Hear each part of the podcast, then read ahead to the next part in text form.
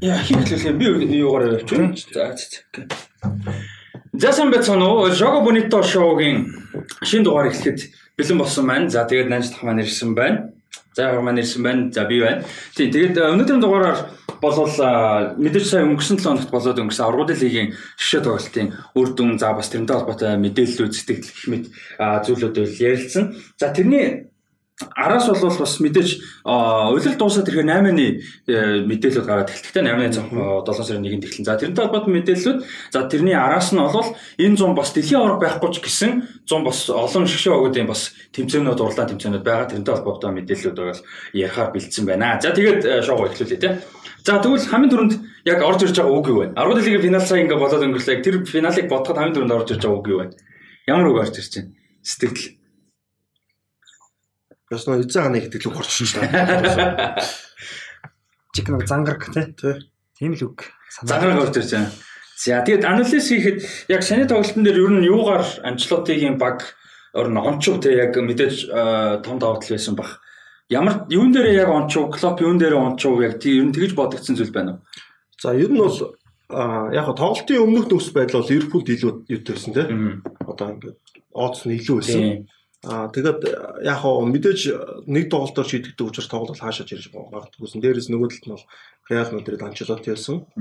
Аа за тэгээд ер нь бол яг тоглолт яг л хүмүүсийн төсөөлжсэн болсон доо Ливерпул нөө прессинг хийгээд Реал хамгаалтаас товтлохоор шийддэг. Уусаа Реалын гарааны бүрэлдэхүүнийг байхад шууд мэдгджилсэн л да. Валвертайгаа баруунд гаргацсан тийм. За тэгээ Венисийн жүгөр ирэх товтлохоо явах юм. Дээрээс нь яг тэр жүгүрт Арнолд хамгаалдаг гэдэг. Тэгээ тэрэн дээр энэ Клоп яг Конатаг тавьж өгдөг тийм илүү юу одоо одоо хурдтай хамгаалж угаасаа мотив гарах нь тодорхой байсан шүү дээ. Гарахгүй тодорхой байсан байна. Яг одоо угаасаа Венес Вензема хоёр эсрэг илүү хурдтай тэг хүчтэй хамгаалж гарна гэдэг хийж харсан. Тоглолтын нэгдүгээр үед яг бол Ливерпул бол угаасаа илүү тогтолцсон. Реал бол нэг удаа хаалган зогсон. Ливерпул 5 удаа хаалган зогсон. За тэгээд хаалга онсон зогсолт шүү дээ зөвхөн. Яг хаалга руу цогсон бол Ливерпул 10 цогсон. Тоглооны хувьд бол хамаагүй л байсан. Тэгээ нийт тоглолтын хувьд бол Ливерпул 23, Реал 3 цогсон. Ерөнхийдөө Ливерпул тоглооны хувьд илүү байсан. Гэхдээ үр дүнгийн хувьд бол Реал илүү байсан гэдэг зүйлийг бол хэлж зүйтэй. Тэгэхээр дундуур нь тоглолтын анализыг яриад нанжтай хэлэх сонсч тээ. За тэр яг энэ Европын бас их том үдэш байлаа шүү дээ. Хоёр том баг тоглолоо бас үнэхээр мундаг хөлбөмбөг үзүүллээ. За Юрген Клоп гэж хүнийг бол биш та үнэхээр мэдээж мэдлэг байх хөндлөг байх ихтэй бүр бараг шүтг шиг болсон. Энд ямар мундаг бэлддэг юм бэ те. Баяг бол ямар гоё зохион байгуулалт юм бэ. Тэгээд э, би нэг юм гайхаад одоо хөлөмг дээр нэг марклна гэж юм байдаг шүү дээ. Нэг хүний нэг дагаж болдог. Тийм бол мэдээж байдаг. Одоо юу гэдэг нэг баруун жигүүрийн хамгаалагч зүүн жигүүрийн довтлогч ингээд нэг дагаад иж болдог те. Тэгсэн чинь одоо нөгөө нэг Конате чинь төвийн хамгаалагч байж зах руу гарч нөгөө Винисиусыг марклаад хахыг. Би бас их гайхсан шүү. Тэгээ одоо энийг бол маш их бэлдсэн байна тийм. Түүнээс нэг түүний хамгаалагч нь тийшээ гараад дандаа орж гараад байна. Тэгэхэд тэнтэг зай хоосорж байгаа. Тэр зайг бол Ливерпул бол бас их мундаг нөхчийлээ. Тэг үнэхээр бас Клоп бол бас энэ багийг бол маш сайн зохион байгуулсан. Одоо Клопыг бол дахин нэг удаа шүтэн биширсэн дээ. Би тэн дээр нэмчих үү. Ягаад тэрийг яасан гэж чи ингэж би бол яг ингэж харсан. Ливерпул тоглолт ихнес прессинг гэж байгаа шүү дээ. Прессинг хийнгүүт Ливерпул 3 3 4 гэдэг хөлбөрлө угаасаа шилжиж байгаа. Хендерсон бүр дөрөв дэх товтлогч тогсон шүү дээ. Тэнгүүл Тэнгүүлэг нөө Конотагийн Венусистер очиж байгаа нөхс байдал гарч ихгүй. 3 3 4 гэж орж ирэхээр артлын 3 дээр нь Бандак голдоо а Коната баруунда болчихж штэ. Конок Коната баруунда Робертсон зүүндээ гараад энэ ингээ 3 болчихж байгаа. Эсрэг руу эсрэг бөмбөг эзэмшиж байгаа нөхцөл штэ. Яг л урагшаа. Тэнгүүд л төвдөө төвийн 3 нь орж ирэнгүүт л жигүүрлүү хин Арнолд нөгөө 3 руу ороод Арнолд бүр баг юу л орж иж байгаа байхгүй дөрөвт одоо баг дөрөвт довтлогч гэхээс яг довтлогч биш. Гэхдээ нөрөхдөө нэг тийм жигүүр рүү ороод ич. Тэнгүүл Саалах манай хоёр төвдөө орж ирээд Диас хин хоёр яг адилхан байлд байгаа байхгүй. Луис Диас энэ Арнолд хоёр. Лүнцтэй бол яг дөрөв товтлогчтой болчих. Тий дөрөв товтлогчтой. Яг бол нөгөө прессинг дээр. Тэнгүүл эндээс яаж юм хэлэхээр Арнолд зарим тохиолдолд Хендерсондээ байрлаж. Одоо энэ Растиг ярьдаг байхгүй. Хендерсон оршоо оронгод Арнолд төрөө очиж байгаа байхгүй. Байрал нь ингэж солигдсон. Тэнгүүд л яасан бэ гэхээр эсрэг бомн сөрөг бодлогоо ингүүл ардаа угаасаа гурван хамгаалалттай прессинг хийж байгаа юм чинь Конато өсөө өсөөг угаасаа Венестерч. Энийг бүр клуб бүр айгүй удаан бэлтцсэн байгаа байхгүй. Бэлдээд тэгээд угаасаа Арнолд тоглоод нэг эсрэг нэг дээр Арнолд угаасаа жоохон эрсдэлтэй гэдэг чинь яг гоцсон тоглолтон дээр. Баг дээр сайн болж. Тэнгүүд Конато ч Конато ч битээ хурдтай. Тэгээд Венестерч очоод ерөөсөө ингэ дээрлэгч байгаа юм. Тэгээд тоглолтын юуг нь харахад бол 3 3 4 гэдэг прессинг рүү шууд Ливерпул орчихсон. А эхний үед тэнгүүд ингэж байгаа А Реал бол энэ прессингээс баг гарч чадаагүй. Яг нэг хин болж алуусан. За нэг ганц хоёр хоног гарч ирдэг ч юм уу те тэр нэг холтой. А тэгмэл хоёрдугаар өдөр Анчелоти яасан гэхээр Анчелоти угаасаа үнэхээр супер тасалчлаж угаасаа бүгд мэдчихсэн. А Ливерпул яг тэр юугаар урагшилж исэн. Нэг өөрчлөв. Яг бол Ливерпулийн бүх юм болж исэн. А хариу мих нь юу исэн бэ гэхээр юу байсан? Одоо үед чинь Реалын хувьд бол ингээд прессингээс гарч чадахгүй ч юм ингээд тоглолтны болохгүй байгаа шүү дээ. Тэнгүүд Модрич кросс хоёрыг зэрэг хойшлуулад хоёр төвөө хамгаалж байгаа хажууд авчихсан. Тэнгүүд гол гол нь онгоцж байгаа хгүй. Тэнгүүд одоо ингээд та нар харж тоглолтоо буцаага харах юм бол нэгдүгээр үед а Тиаго болон Хендерсон хоёр Модрич хоёр илүү марк хийсэн бохгүй. Кросс хоёрлоо. Ард нь Фабиньо сул талын нөхдөг. Тэгсэн чинь нөө марк хийжсэн нөгөө хоёр нь хоёр дүү ямд чи хажууд очиж зогсчихж байгаа бохгүй. Модрич кросс. Тэнгүүд нөгөө нь урч чадгаа болсон. Урч чадгаа болсон. Дундаа 3 нөгөө нэг. Тэнгүүд Реал тэн дээр тоглолт хийж байгаа бохгүй. Тэнгүүд Реалын тэндээс хийсэн тоглолт төлөөр Модрич кросс хоёр араас хамгаалчтайгаа дамжуулаад та хоёрдугаар энэ төр тоглолтуудыг санаж байгаа бол ардаа Реал айгуугаа зовлонгоо дамжуулаад ирсэн шүү дээ. Тэнгүүд нь ихэд дамжуулаад гол руу Модрич нь гараад ирдэг. Кросс нь гардаг. Ялангуяа Модричийн зүгүүр Модрич айгуух гарч ирсэн шүү дээ. Модрич угаасаа тоглолтын арга барил нь Тоттенхэмд тоглож тийм байсан Реал олон жигтэй тогложсон. Баруун руу айгуугаа. Тэг яг нөгөө гол ордог тоглолт тэрүүгээр ихсэн шүү дээ. Троуын орж ирэл Модрич одоо авсан шүү. Тэгэхээр юу гэж Анчлотыг энэ төр барьсан мэт Ливерпулийн прессинг дээр шууд барьцаалдуулсан байхгүй. Төвийн асуудал нь хэнийг маарлах маргалах вэ гэдэг дээр асуудал гараад ирсэн. Үйл явдлыг зорчсон. А тэн дээр бол одоо юу чинь ямар хүн одоо Жерард Мерард шиг ч юм уу тийм одоо би зөвхөн Ливерпулийн тоглолт хийж явж байгаа шүү. Жерард Мерард шиг тийм супер тоглогч тэн дээр айгүй тийм зөв шийдвэр гаргаад тэн дээр одоо юу хийх ёстой байсан юм шүү. Тэнгүүд тэн дээр чинь Тиаго, Фабиньо, Хендерсон гур байгаа болохоор энэ гур арай би бол жулцсан гэж харсан. Яг тэр гур байсан. Угаасаа одоо Реал Мадридын Ливерпулээс одоо яг бүрэн илүүрхэх байрлал бол. Хаасан болж байна. Тэр гурвч одоо нийлээд 5 аврагууд илийг авчлаа шүү дээ. Касемиро мод. Тэгвэл Кросс Модрич хоёрын хувьд одоо үүдэж олон жил ингээд хамтдаа тоглож байгаа. Дээрээс нь юуд чиндээ энэ багт ингээд бүр ингээд бүр одоо бүр мэдэрдэг болчих харцаараа тий. Тэгмэл ямар тасалжуулагч тэр хоёр угаасаа тактикийн асар мондод тоглож байгаа учраас ямар тактикээр хувирч чадчих байхгүй. Тэгэл төвд өсөн хоёрыг аргашаа тата Каземиро жоохон урагшлуулж өгөөд одоо юун дээр тэгдэж штэ. Шигшээ багуудын тоглолтын дээр нөө айгу муу үед бөмбөг эзэмшдэг нөхдүүд чи өөрийнхөө гараас бөмбөг тоглохгүй тэр уршаа зөв гүйчдэн штэ. Найруулагч одоо Пирло мөрлө хорлол гатусан мотос чи урт явж идэв штэ. Тэгээ Пирло бөмбөг эзэмшиж тоглолт явж тоглолтын ирсэн нэг иргэдэг те. Яг тэр нөхцөлийгээд Модрич кросс ингээд аршаа хоёр төвийн ондч хажууд иж бөмбөг аваад тэгвэл хоёр жигүүрэн жоох уршлаад ирж байгаа байхгүй. Тэгвэл араар хиндүү явуулж илээ. Карвахал болон Валверде хоёрын жигүүр айгүй их алсын дамжуултууд бас явж гисэн. Яг бол дандаа Винусээр яваад байгаа шүү. Тэнгүүд тоглолтоо өөрчлөлт хинтэй талаас бүр нэг одоо нэг Милитаогийн жигүүр. Милитао ч төвийн хамгаалтын зүүн тоглосон шүү дээ, тийм. Зүв дээ. Баруун дээр тоглосон шүү дээ. Баруун дээр зүүнд нь хэн байлаа? Аа тий Алабагийн жигүүрхгүй. Яг Алаба чи зүүндээ тий Алаба зүүн. Баруун дээр. Алаба чи өөрөө дамжуултын ямар мундад тоглож байлаа. Сая өнгөрсөн Европ яваад Австрийн шийдвэр Алаба чи баг хожиг дамжуулт. Хожигч жахт нөгөө юунд Итали дээр өгдөг шээ. Арнотович байдаг лөө. 15 шугаа тий. Тэгвэл тэр юуны тогтхооны арын бүх дамжуулт энэ Алаба авч байхгүй. Яг Алабагийн дамжуултууд тэр энэ Валвердел айгүй чиглэж ирсэн. Яг бол Винисиус руу явах нэг нэг юм хөндлөн кросс биш нэг шоунд авч авахгүй тий. Тэгэхээр тэр дамжуултууд диагноз биш гэж. Диагноз биш болоод ирсэн. Айгүй сайн яваад нөгөө тэндээс кроссоор тусалж байгаа шүү дээ дамжуултан дээр. Ийм байдлаар Ливерпулийн тоглолтыг эвдээд Реал гол оруулсан тоглолтын моментыг авсан. Тэнгүүд А сүүлдээ хамгаалаад тэгэхээр яа энэ юугаа алдаагүй л дээ бөмбөг зэмшигтэй. Модрич кроссоор хоёр түмэн амлаж байгаа хажуухан дээрээ бөмбөг аваад тэр явдаа ингээ бөмбөг зэмшээд тэгээд офлон зохион байгуулж уршаа орсон Ливерпул тэн дээр айгүй байр цаалтаадсан. Тэгээд энэ Луисийг суулгадсан шалтгаан бас ирэх байхгүй. Луис яг үндэ бол Луис Диасийн хувьд бол Дотлон дээр сайн болж хамгаалт нэрийг үнд учраа болохгүйсэн байхгүй лоостаас бол. Карвахалыг алдаадсан, Валордыг алдчихсан хараш нь буцах дээр тэгээд нөө Модрич яг тэр дунд ч нэг одоо сул цай гаргаад тийм сул цай гаргаад тэн дээр Диас манай байсан бол арай өөр тоглох гэж би харсан байхгүй. Би одоо ингэж бодоод байгаа нөгөө Луис Диас орж ирээ зүүн жигүүрт тоглоод байгаа шүү дээ. Манай төв рүү орчод шүү дээ. Одоо төвд гэдэг чинь өөр асуудал байхгүй. Юу гэхээр Хүлэмбэгт аль байрлалд хамгийн олон хүн байдаг гэхээр төвд л олон хүн байдаг байхгүй. Тэгэхээр одоо хүлэмбэг юуг ашигладаг вэ гэхээр жигүүр ашигладаг.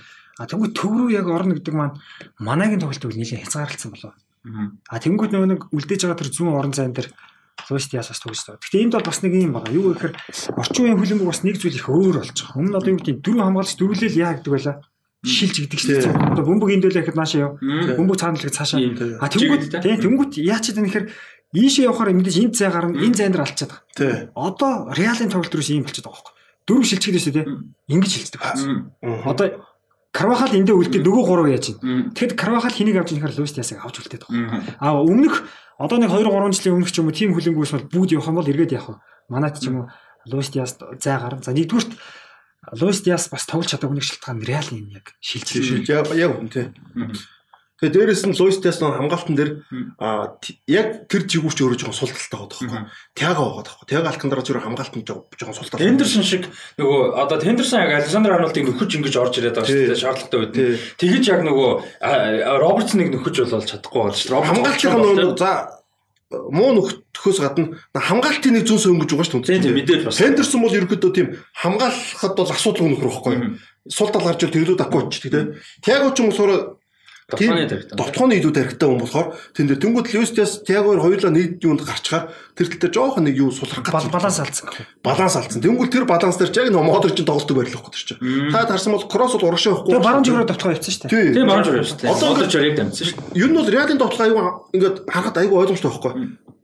Нэг бол шууд төвийн хагсаа алгасаад Венесус ихгүй. Жигүүрлээ хаяж нуур зайлаа. Нэг бол төвөөрөө Модричоор дамжаад Валверде эсвэл Карвахал. Тий, Карвахал ахгүй. Тэнгүүд одоо юу чинь кросс ерөөсө урагшаа орохгүй яг кроссын дөрөөр тогтоод аюу хүнд байгаа угаасаа тоглолтын шууд харагдсан байхгүй. Хендерсон байгаа. Араас нь Фабини тусла.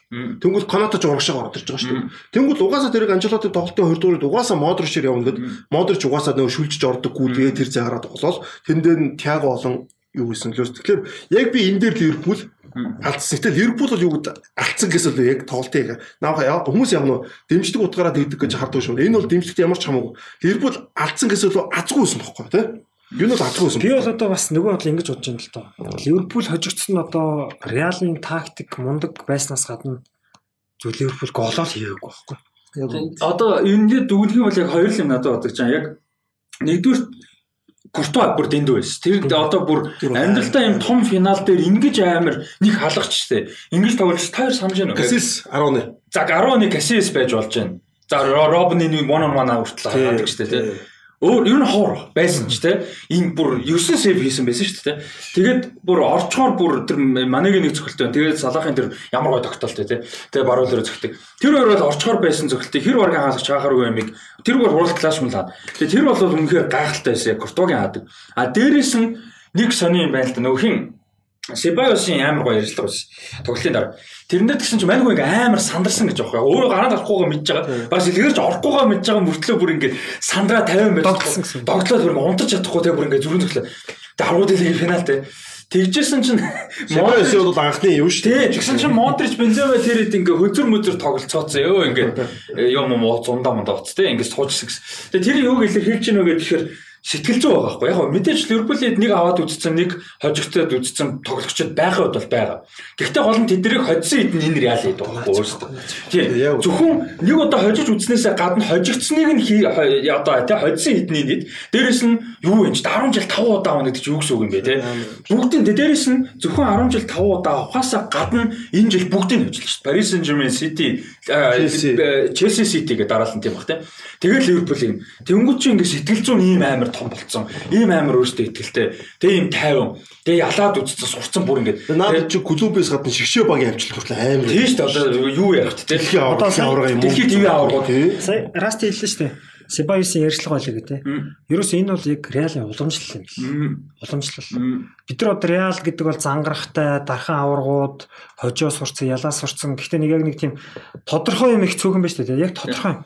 Одоо шинэ Лукас Васкесийн нэг бас ярьцлага байгаа. Лукас Васкес 2015-аас 16 оны удирдалд анх Реал тоглосон юм. Тэгээ нөгөө нэг финалд үлдсэн. Тэгээ нөгөө Васкес чинь догтлоо. Тэгж шүү дээ. Чинь өөрөөсөө юу яасан гинэ?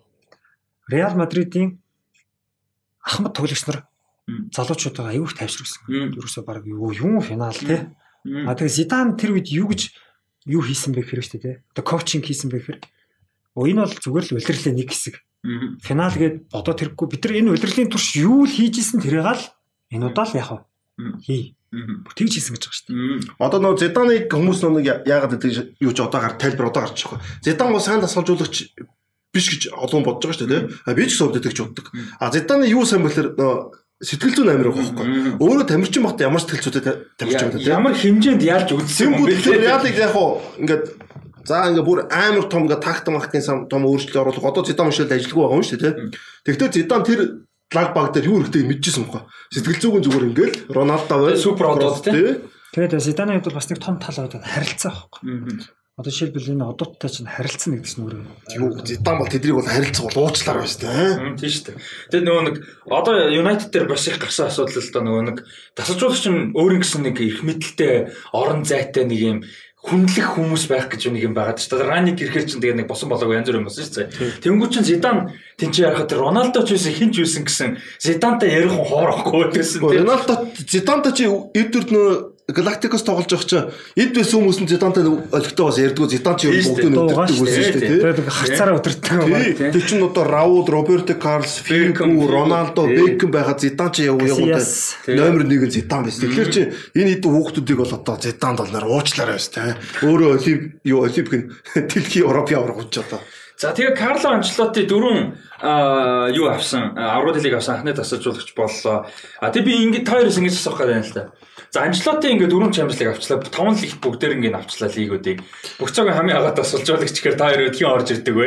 Яг Анчлотиг үү гэж асууж байгаа юм шиг. Тэгэж асуувал хэн орж ирэх вэ? А тэгээд нөгөөх нь болохоор за бид нар ингээд юу гэдэг? За юу гэдэг?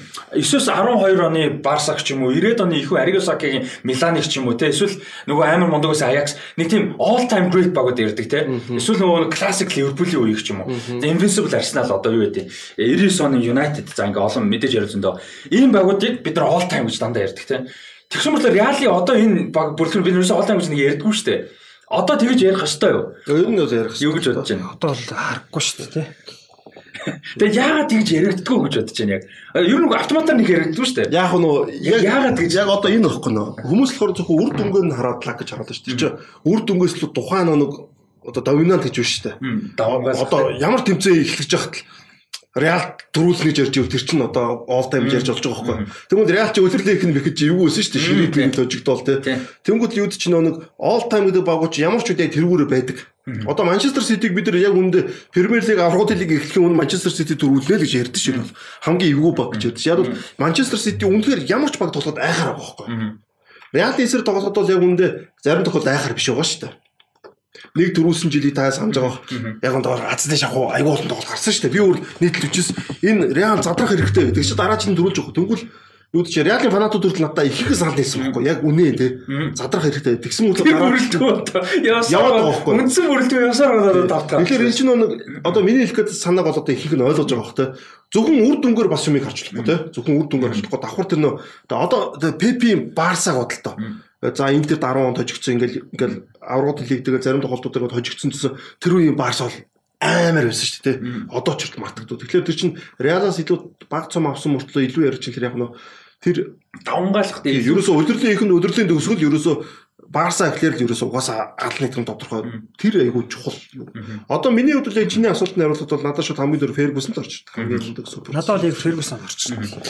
За бүр дээр үеийн нөхдүүдийг бол үндэ мэдхгүй. сонс сонсон л Тийм. байна.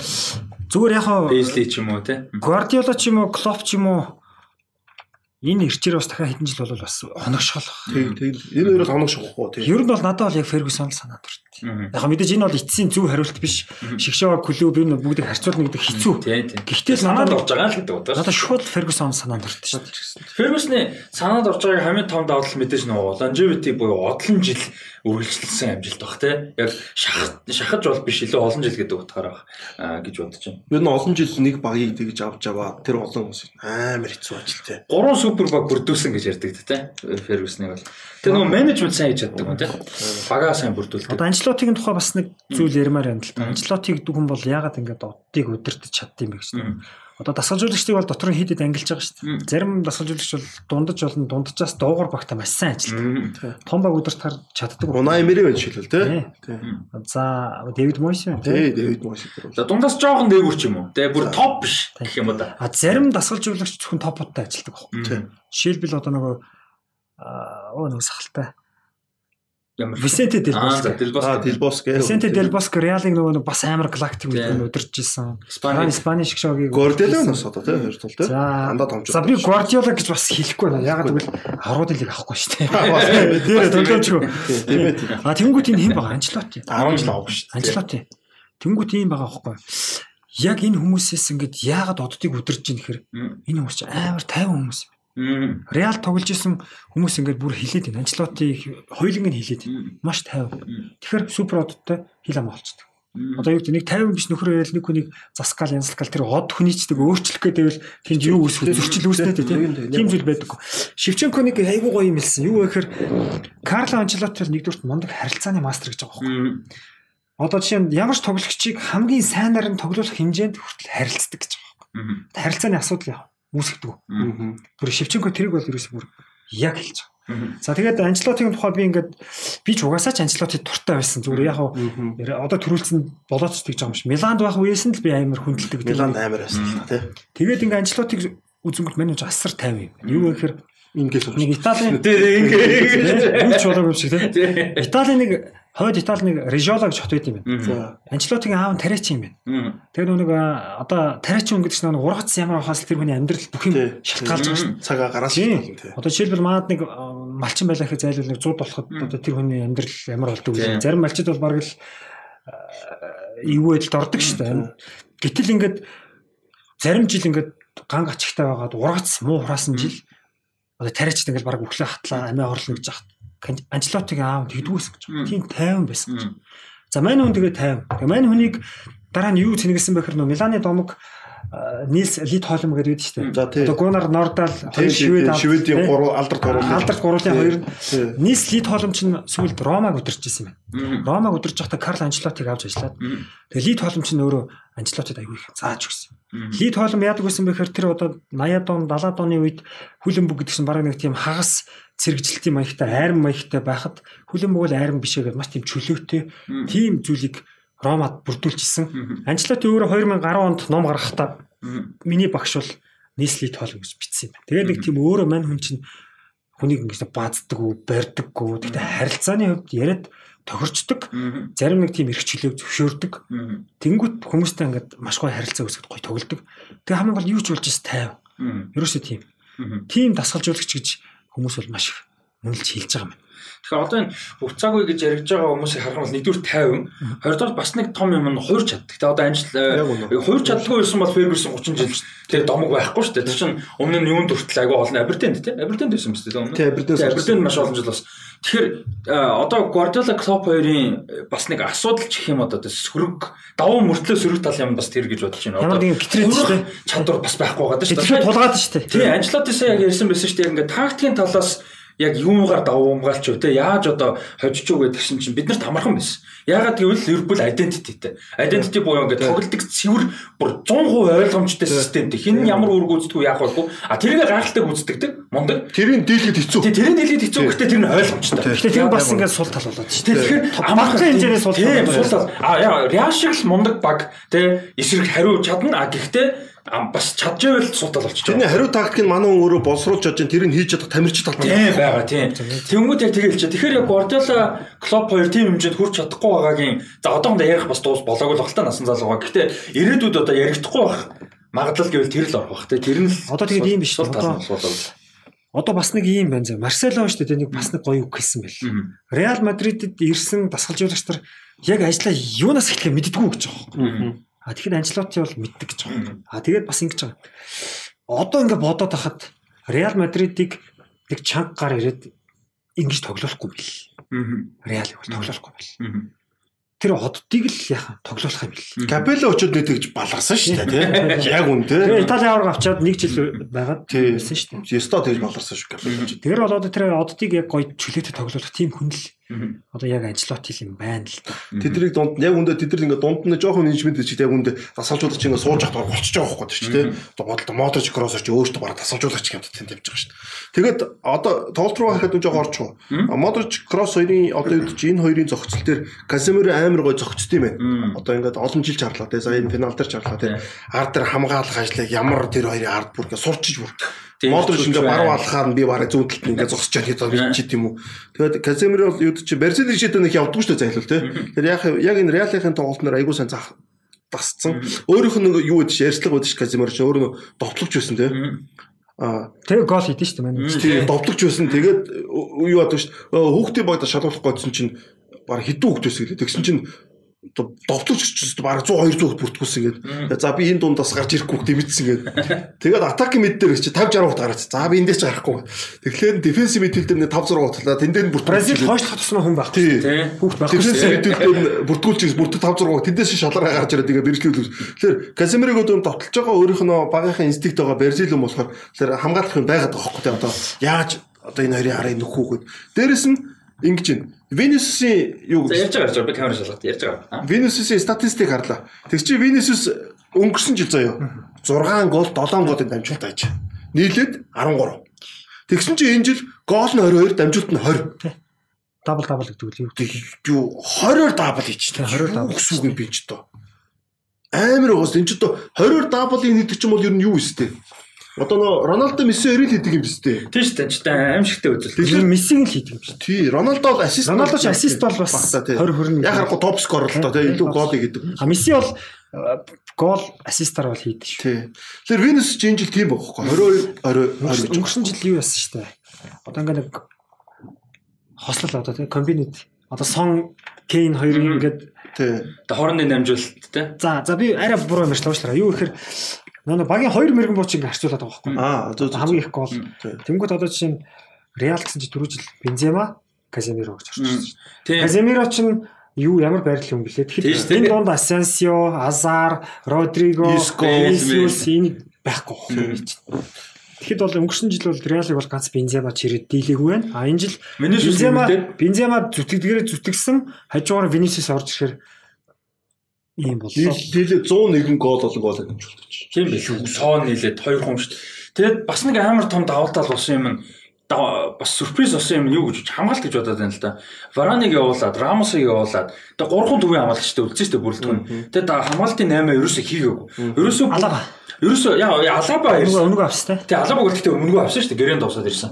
Тэгэнгүүтээ бүх мөнгө нөгөө нэг хим минич явуулаа, регуляныг явуулаад өөр хин нэгчлээ. Брахим Диаз масаж явуулаа яалаа. Юу лээ? За тэр яа, би ямар ч юм point нь амар олон тоглогчтой явуулаад мөнгө хадгалсан нөгөө Мбаппе, project Мбаппе гэдэг. Тэгээд гурван хамгаалагчтай үлдээ Начо, Милитао, Алаба гэдэг. Тэгээд за шаардлага гарах юм бол Касемиро татна. Яаж бүтэнд уйлрал гурван том тэмцээн мэдээж Копа дэлрээд орно. Яаж гурван хамгаалагчтай явах юм бол гэдгсэн чинь амар том юм явсан. Нэгэн ч хүн дэрүүсэ гэнтэй. Аль нь ч гэсэн. За ганц хоёр хөнгөн бэртэл Алаба авсан, Милита авсан үед Начо амар тийм баталгаатай. Суперстар биш гэсэн юм. Валехоо тий. Тэгээ Иесус баяхаа. Гэтэ баяхаа нэг тоглоогүй шаардлага гараагүй. Сая сүүлд нөгөө нэг авраг авах нь тодорхой болсны дараа л нэг ганц хоёр. Одоо Стүнс баяхаа нэг ороо э, том дугаар авсан л та одоо тэрийг ч тооцвол. Тийм тийм тэгэхээр тэр бол маш том болсон юм баяхаа. Ялангуяа хиний Милитаогийн доктортой тоглолт. Яг суперстар шиг тоглосног үл үгүй. Бас орон гарын хий байсан. Гэхдээ чухал үедээ- маш сайн гүйцэтгэсэн шүү дээ. Гол нь а, яг маш чухал үедээ сайн тогсон байхгүй Милитао. Тэр нь бүр хамгийн чухал. Ер нь бол одоо ингээл төвийн хамгаалагч гэдэг Гуртаг яриад явах. онцгой тоглох гэсэн зүгээр яг нормал багт юм болчих дээ. Яг бол төвийн хамгаалагч өөрөө нэг алдаа гаргаад л тэгэл баг тэр удирлыг карьерт нь яригдах хэмжээнд болчих дээ. Тэгэхээр яг нормал ямар нэгэн үндсэн техникийн алдаа ч юм уу тиймэрхүү алдаа гарахгүй ч болчихж байгаа. Алаа бол тэгдэг үгээс одоо хамгаалагч бол биш шүү дээ. Алаа бол мангар мундаг тактанд олгоч шүү дээ. Тэгээ Милитао тийм алдаа гарахгүй нэг радио хамгаалтад юу гэж өнөө супер тоглох ер нь төвийн хамгаалагч албагүй ч гэсэн зүгээр нэг сайхан те нэг нормал ингээл явчихад ил болдог. Начо бол тэгж тоглоод шүү дээ. Хизээч гэсэн тийм. Наачо нэг тийм батлаатай байхгүй. Яг нөө рейтинг өгөхөд 10-аас баттай 7 ч юм уу те. Хизээч буухгүй, хизээч 8 буухгүй, 8 8 л аваад байдаг. Тийм ерөөсөө ихтэлтэй. Хизээч одоо итгэл алдахгүй. Бас нэг бодлын тим тоглогч амар хэрэгтэй. Одоо Ferguson-ы United тим тоглогч зөндөө байсан дээ те. Баттай юм бүрэлдэхүүний тоглогч. Пак Мако. Тийм одоо Пакчисон байж гэн Овши байдаг ч юм уу те. Тим тоглогчд бол их Браун. Тийм West Brown байна. Арууд дэлхийн финалаар баруун зүгээр амгалж хүртэл тоглож байсан юм шүү дээ. Тэгэхээр яг энэ бол амар чухал байсан л гэж бодож байна. Яг голын хэдээсээ гадна. Тэгээ Реал дээр үнэхээр нөгөө тэр тохироо бүртээ тэр Валвердеген тэр голын дамжуулт бол үнэхээр маш ухаалаг тий. Одоо бид нар өөрсдөө тамирчин байсан тамирчин хүмүүс бол ямар үед яа дамжуулт яг яг тэр момент дээр шиг сэтгэж байгаа ш. Тэгэхэд бол тухайн тоглож айгүй гой сэтгсэн. Тэрнээс өөр яг үндэ би бол юу би яг тэр тоглолтыг үлчээд гэсэн байхгүй. За ингээд хайчихгүй яг тэгээ хайцсан байхгүй. Тэр яг э, юу байсан? Яг хоёр тоглогчийн яг мэдрэмж тэр яг Валверде гэж харж хаяаг байхгүй. Тэр шууд шүү дээ. Зог яг хаал руу зогсоод дамжуулсан зогтсон юм. Ийм хүчээр зодсон дамжуулт те. Арай эргүүлээд юм арай эвтэх өгвөл хоёр урд нь Ливерпул юм байгаа хэлчихсэн. Дээрээс нь хаалж байгааг мэдчихсэн. Тэгээд Винишиусыг тэгж зүгээр гүүн гэдэг тэр бол зүгээр багийн тоглолт байхгүй. Яг цэвэр мэдрэмж. Багийнхаа үнийг тэнд байгааг мэдэрч. Дээрээс нь тэн дээр ингэж харж байна. Одоо техникийн хувьд бол ингэж харж байна. Валфорда тэнд зогсож байгаа одоо хөллийн дотортлоор тийж дамжуулсан шүү дээ. Хөлний дотортлоор дамжуулахад тухайн одоо хамгаалж байгаа толсор энэ хүн дамжуулагч энэ дээр шууд автоматар мэддэг учраас тэр зай нөхдөг байхгүй юу? Аа хоёрдугаар хоёрдугаар тийм юу дамжуул төхөж жоохон сул хайдаг байхгүй юу? жоохон бөмбөнд эргэл дээр. Түнгэл би яагаад түрүү нönөг яг тэгээд хажихуд гэж айсан гэхэлэр яг цогж байгаа юм шиг савж байгаа штэ. Яг хөлийнхэн подимор цогж байгаа штэ. Хөлөнгөөр хоёр дахь номын цогж байгаа штэ. Цогж байгаа штэ хүчтэй. Хүчтэй цогнгууд тэн дээр хаалт чулан хамгаалч шир бүгд эргэлдэж байгаа байхгүй. Энэ цогч гэнэ үү яаж юм гэж бодохгүй. Шармын дотор зөндөө болчих. Тийм штэ. Цогч нь би өөр хамгаалж исэн тэрийг бүр аягуулсаа мэдэрдэг байхгүй. Энэ цогчноо дамжуулж юм би инструктор шууд харж. Түнгэл тэр хүн ингээд дадаагаал яг нөгөө цогцолтын техник нь яг цогч байгаа юм шиг болж ирдэг. Тэгэхээр энэ шууд хаал руу цогч гэнэ штэ би илүү хаал руу анхаарах байхгүй. Нэг бол илүү отон руугаа ч юм уу те. Тэнгүүд тэр нь дамжуулт болж очиод тэрийг Венус юм жиг. Хэрвээ тэрийг яг ингээд Валвордо дотор талаараа дамжуулах юм бол энэ амархан Конате болон хин хоёр шууд унших байхгүй. Ойн дамжуулж ийн гэдэг араар одоо Арнолд ч юм уу те харах байхгүй. Тэгэхээр дотор явуулаа. Тий дотор явуул тэр чинь за энэ дотор гарч ийн гэд угаасаа хүн хамгаалж байгаа шууд инстинкторыг мэднэ. Одоо тоглож байсан хүмүүс бараг тэр ойлгож байгаа. Инстинктор шууд энэ хаал руу цохгүй шууд дамжуулах чинь ойлгоод яг тэр байрлыг одоо юу чи гүйлтийг авдаг байхгүй.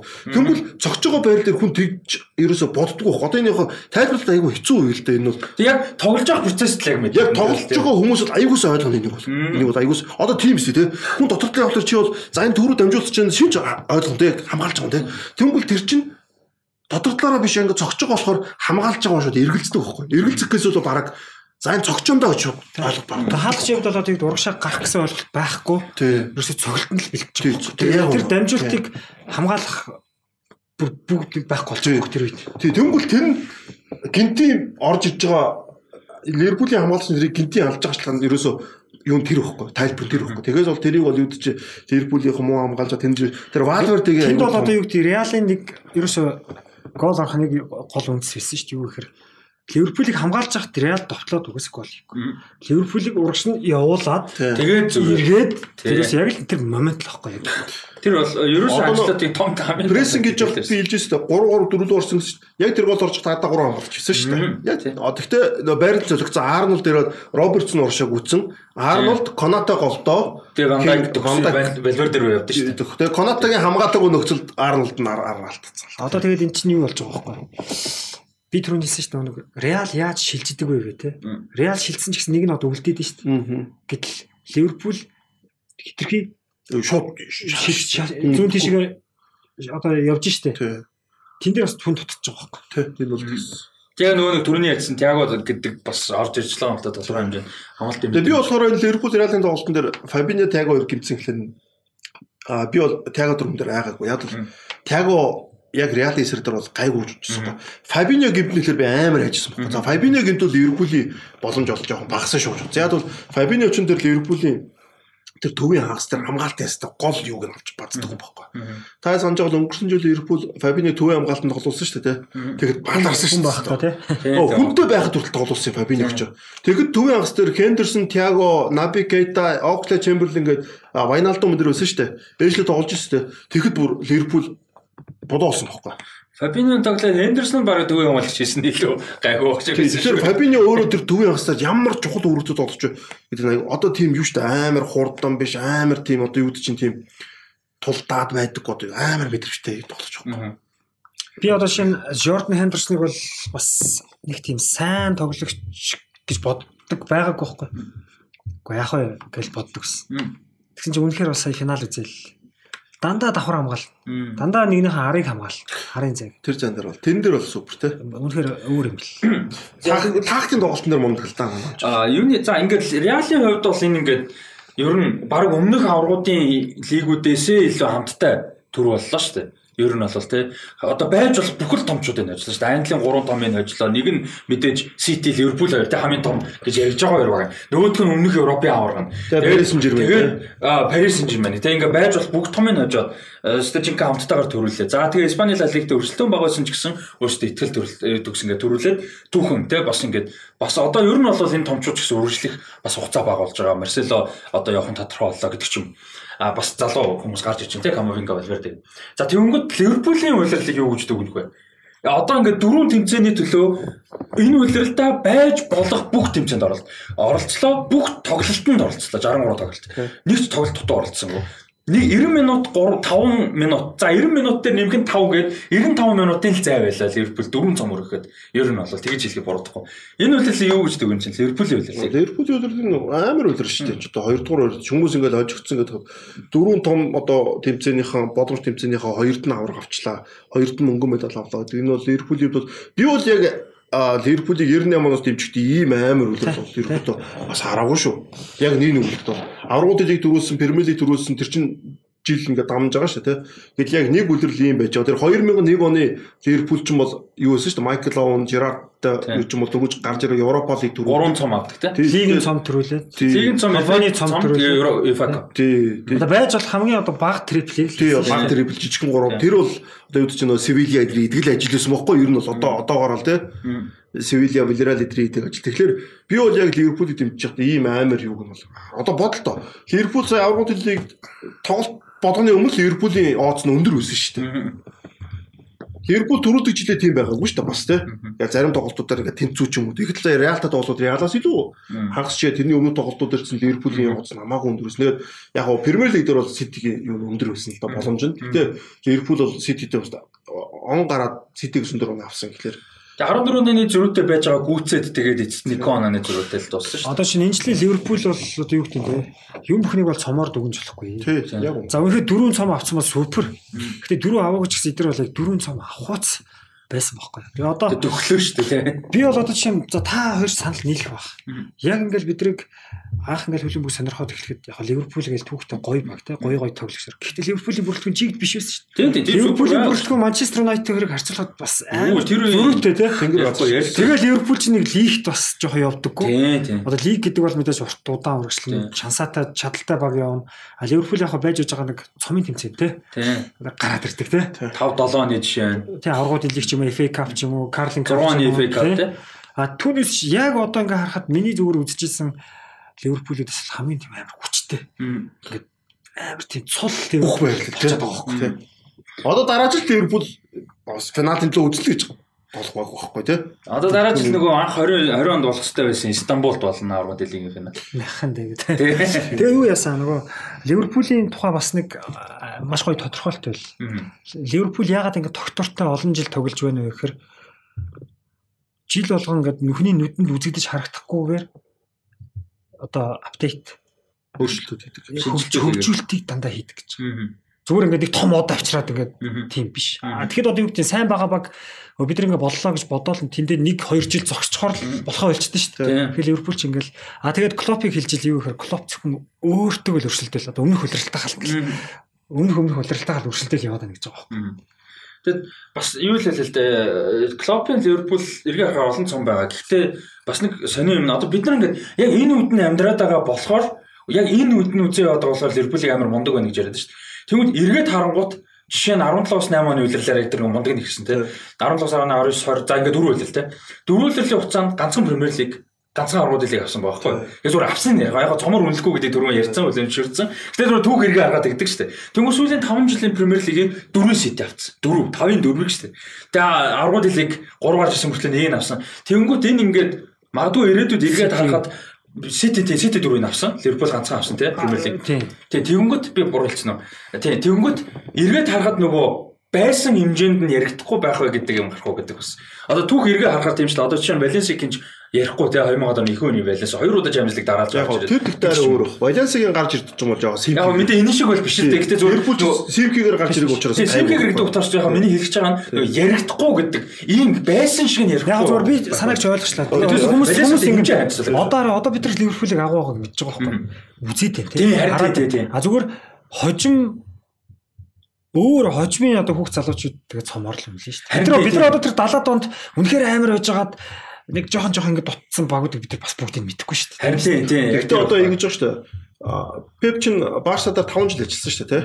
Дөрөв жил дөрөв сизон гэсэн. Дөрөв сизон. 8-аас 8-аас 12 тий. Тэгээ 8-аас 12 яг бүтэн дөрөв. Яг дөрөв. Тэн дээр хоёр аврууд хэлийг тий. Хоёр аврууд. Хоёр хагас шээ. Хоёр хагас шээ. Тэгээ хоёр хагас шээ, хоёр аврууд. Тэгтээ гурван лалиг. Гурван лалиг. Тэгэхээр юуд чи одоо Гордолиг бол үр дүнгийн хувьд юу гэдэл яригч тий. Тэгмэл Байерн дэсэн Гордолиг бид нар юу гэж ярьдаг вүлээ? Ер нь бол хүлээлтэнд хүрээгүй л гэж ярьдаг. Аа би бол Клопыг бол яг хүлээлтэнд хүрээгүй гэж хэлэхэд хэцүү байх гэж байна. Яг бол Клоп өөрөө сайн байгаа аагүй байхгүй. Сайн байгаа өөрөө босгож байгаа. Тэгээд одоо ингээд нанжти хэлж байгаа, чиний хэлж байгаа нүх хөгжүүлтүүд тэгээд Конатаг авч байна. Конатаг дэрж бас хямдхан авч байгаа шүү дээ. Тэгээд хэнийг авч байна. Тэгээд Клоп өөрөө аягуулсаа яг зөв амар гой амар гой хөгжүүлж. Одоо энийг ингэж бас ярьсан байна. Яг Реал Ливерпул хоёрыг ингээд харьцуулж байгаа байхгүй. Тэгэхэд Реал яаж цугласан гэхээр шүү дээ. Тотнамс Бейлиг авсан гэж. Тотнамс Модрич авсан гэж. Леоноос ингээ бүр ингээ танигдаа гадарсан. Бензема авсан гэж. Яг ингээл Реалын авсан хүмүүс гэл үзэнгүүт тодорцсон тий. Үнтэй. Яг энэ бүрэлдэхүүнийг би нэг Реалын фильм биш л дээ. Гэтэ яг энэ бүрэлдэхүүнийг тэгж хэлэгдэцүү. Одоо Касемиро кар Милитао, Карвахал, Винишиус, Родриго яг яг яг энийг бол яг энэ өрнөд өмнөд дээр бол болж байгаа. Одоо тэнгэр нь бол одоо Бейл Роналдоны наач шүү дээ. Гэтэ суурь нь болж байна л да. Тэг яг үндсэн суурь гэхдээ яг энэ хэдийн орос хоёр яг энэ сизон дээр бол би ялчгүй реалыг бол бас арай тэгж болж байна. Яг би бол клубыг бол өмнөх хэд бол тийм. Өмнөх клуб бол үлдэнэ. Яг бол ийм хүчтэй байгаа одоо үд чинь те а нэг цом нэг Премьер лиг нэг аваргууд илэгтэй ч гэсэн ийм хүчтэй байгааг бол мартна гэдэг бол би эзэж тэхгүй болчих. Тэ бас яг юм recency bias гэж юм байдаг л да нөгөө ойрд босон зүйлийг хүн илүү сайн сандаг юм байгаа. Мөн одоо Arsenal United-ийн Chelsea United-ийн мундаг өрсөлдөөнүүд мэдээж байж л байгаа. Гэхдээ яг одоогийн энэ сүүлийн нэг 5 жилийн City юу шиг Liverpool шиг өрсөлдөөн байсан уу гэвэл бас одоо одоо ингэж байгаа энэ хоёрын одоо тий City хэрвээ байгааг бол Ливерпул ч дом болох гэдэг байна. Яг үнэ, яг үнэ. А гэхдээ Сити байхгүй л гэдэг Ливерпул ихний 1 2 жил төрүүлж гисэн энэ баян хөгжин гэдэг чинь Ливерпул Сити тэгэл яваад байгаа шүү дээ. Тэгэхгүй нэг нь байхгүй бол нэг нэг жоох ингээл болчих штэ. За Клоп гэрээгээ 2 жилээр сунгацлаа 24 оноос 26 он боллоо. За тэгэхээр дахиж нэг одоо Клопын шин бүрэлдэхүүн дахин тодорхой болж штэ. Одоо манай яон за хэдүүлээ 8 ярих бах. За ингээд салах мэдээж төрөлт байх уу байх нь тодорхой тий. За ингээд янз бүр болно. Шинэ бүрэлдэхүүн босч иж таар. За тэгэнгүүт Реал Мадрид яах вэ? Реал Мадрид за энэ удаа үнэхээр тав авлаа. Тэгээ энэ гайхалтай бүрэлдэхүүн тавыг байлаа. Түүхэд яригдана. За энэ дахиад зам за дараа жил авлаа гэж бодъё. Гэхдээ тэрний цаашаа энэд бол нас нь бүрнхээр одоо бол дараа жил яг би зүгээр нөө хэтрүүлээд ярьж байгаа шүү. Зөв. Реалын бодлоо гэхэд дараа нь яг хамгийн гол. Одоо Реалын хувьд бол дараа нь хамгийн том өөрчлөлт би бол хагас хамгаалтан дээр л яг зөв тоочны сайн хүмүүс авахгүй. Яг үүндээ Реал бас нэг бодлын бас одоо мундаг менежментээс гадна хацтай байсан. Кросс Модрич гэдэг хоёр дуудчих хоёулыг нь авч чадлаа цуглуулж чадлаа. Энэ хоёр нь азар тийм хүнд гимтэл бүтэн үлрэл мүлрэлийн гимтэл авсангүй те. Тэгэхээр юу ч энэ хоёр одоо би бол Бенземаг ч юм уу Венесус ч юм уу орлох хүмүүсийг Реал бол олж чадна. Гаргаад иж болох байх заяа. А энэ хоёр төвийн хагасыг орлох хэмжээний тоолж Реал авч чадчих цаашаа гоё юм. Энэ хоёрыг одоо шав Иньеста гэдэг шиг яг хоёр хоёр штэ тийм. Энэ хоёр байхгүй Барса гаралтай. Касемирог нь орхон бол бүр гуруулаа. Одоо Бускетийг оруулна гэсэн үг. Яг Касемиро бол бас гайгүй байхгүй. Гайгүй гэж. Тий, Каземиро шиг үнийг бол олж болно. Олж болно. Тий, олж болно тий. Нөгөө шамаг бол зөвөн бүтээлцэлтэй. Тийм л дээ. Тэгээд олддгоо тоглогч. Олддгоо тоглогч байхгүй. Тэгээд айгүй үнэтэй. Тэгээд яг нөгөө түрүүн ярьжсэн нөө Pep хоёр би бинийгээ хурцлалтан хурцлаад энэ хурцлалтын шалтгаан бас энэ санхүүтэй айгүй холбоотой. Ягаад гэвэл Италийн лиг бол айгүй мөнгө хайдаг ус учраас 90 онд бүр багтлахын орж нэрлэх. Тэгээд бүх томчууд очдог. Тасалжууд ч одууд айдаг эргэлж байгаа мөнгөнд том байсан. А сая би энэ юу харлаа. 2017-оос 18 оны удирлаас хойш энэ лигүүдийн зарцуулсан ингээд мөнгнүүдийг харлаа. Л та. Тэгсэн чинь Премьер лиг их заяа. 4 тэрбум 700 4.7 тэрбум. Одоо юу зарцуулж? Паунд одоо яа энэ еврогоор хэмжсэн биш үү? А тэнгууд л Сери А 1.1 байхгүй боддоо. 4.7 1.1 2 дугаар дараагийн Лалиг 457 Тэгээ дараа нь Оросын лиг орчиж байгаа байхгүй. Оросын лиг 356, дараа нь Бүнцлиг 338. Эндээс юу орж ин Ливерпул Ливерпул солиож ин Премьер лигт эргэлж байгаа мөнгөнд нь доор байгаа баг 10 лиг нь нэлсэнс илүү. 10 лиг. Тэгэхээр энэ зөвхөн Guardiola Klopp хоёрын тулаан биш. Одоо бүгдгийнхэн тулаан болж байна. Топ багууд яагаад нэмэгдэж байгаа? Маш их мөнгө эргэлж байгаа, масаа намир шиг маш олон тасгаж үзсэн ингээд олноороо цугулж байгаа учраас ингээд цагийн хэрэг бий болж байгаа шүү дээ. Нэг жил шууд бий болохгүй тий. Тэнгүүд яг юуд чи бид нар өмнөх юу дугаарсан топ 2 байсан, 3 байсан, 4 байсан одоо 6 болсон байна шүү дээ. Тий, топ 6. Одоо топ 7 болчихно Ньюкаслтай. Одоо 3 жилийн дараа баг топ 8 болно. Энэ баг өөрөө энэ биш болох гэдэг байхгүй Премьер лиг чинь. Засаглалын бол. Одоо энэ тэгэхээр бас нэг юм байна л да. Яг харахгүй Английн хөлбөмбөгт асар их мөнгө эргэлдэж байгаа нь үнэн. Гэхдээ одоо ингээ харахад юм шүү дээ. Одоо чинь Испани хөлбөмбөг бүр Премьер Лигс хэд дахин зөрүүттэйг бүр Сери А-гийн доор яваад шүү дээ. Энэ юу хэлж байгаа бас өөр нэг хөгжлийг хэлж байгаа байхгүй. Испани хөлбөмбөгчийг хөгжих юм аяа өөр байхгүй. Актив. Испани актем байхгүй.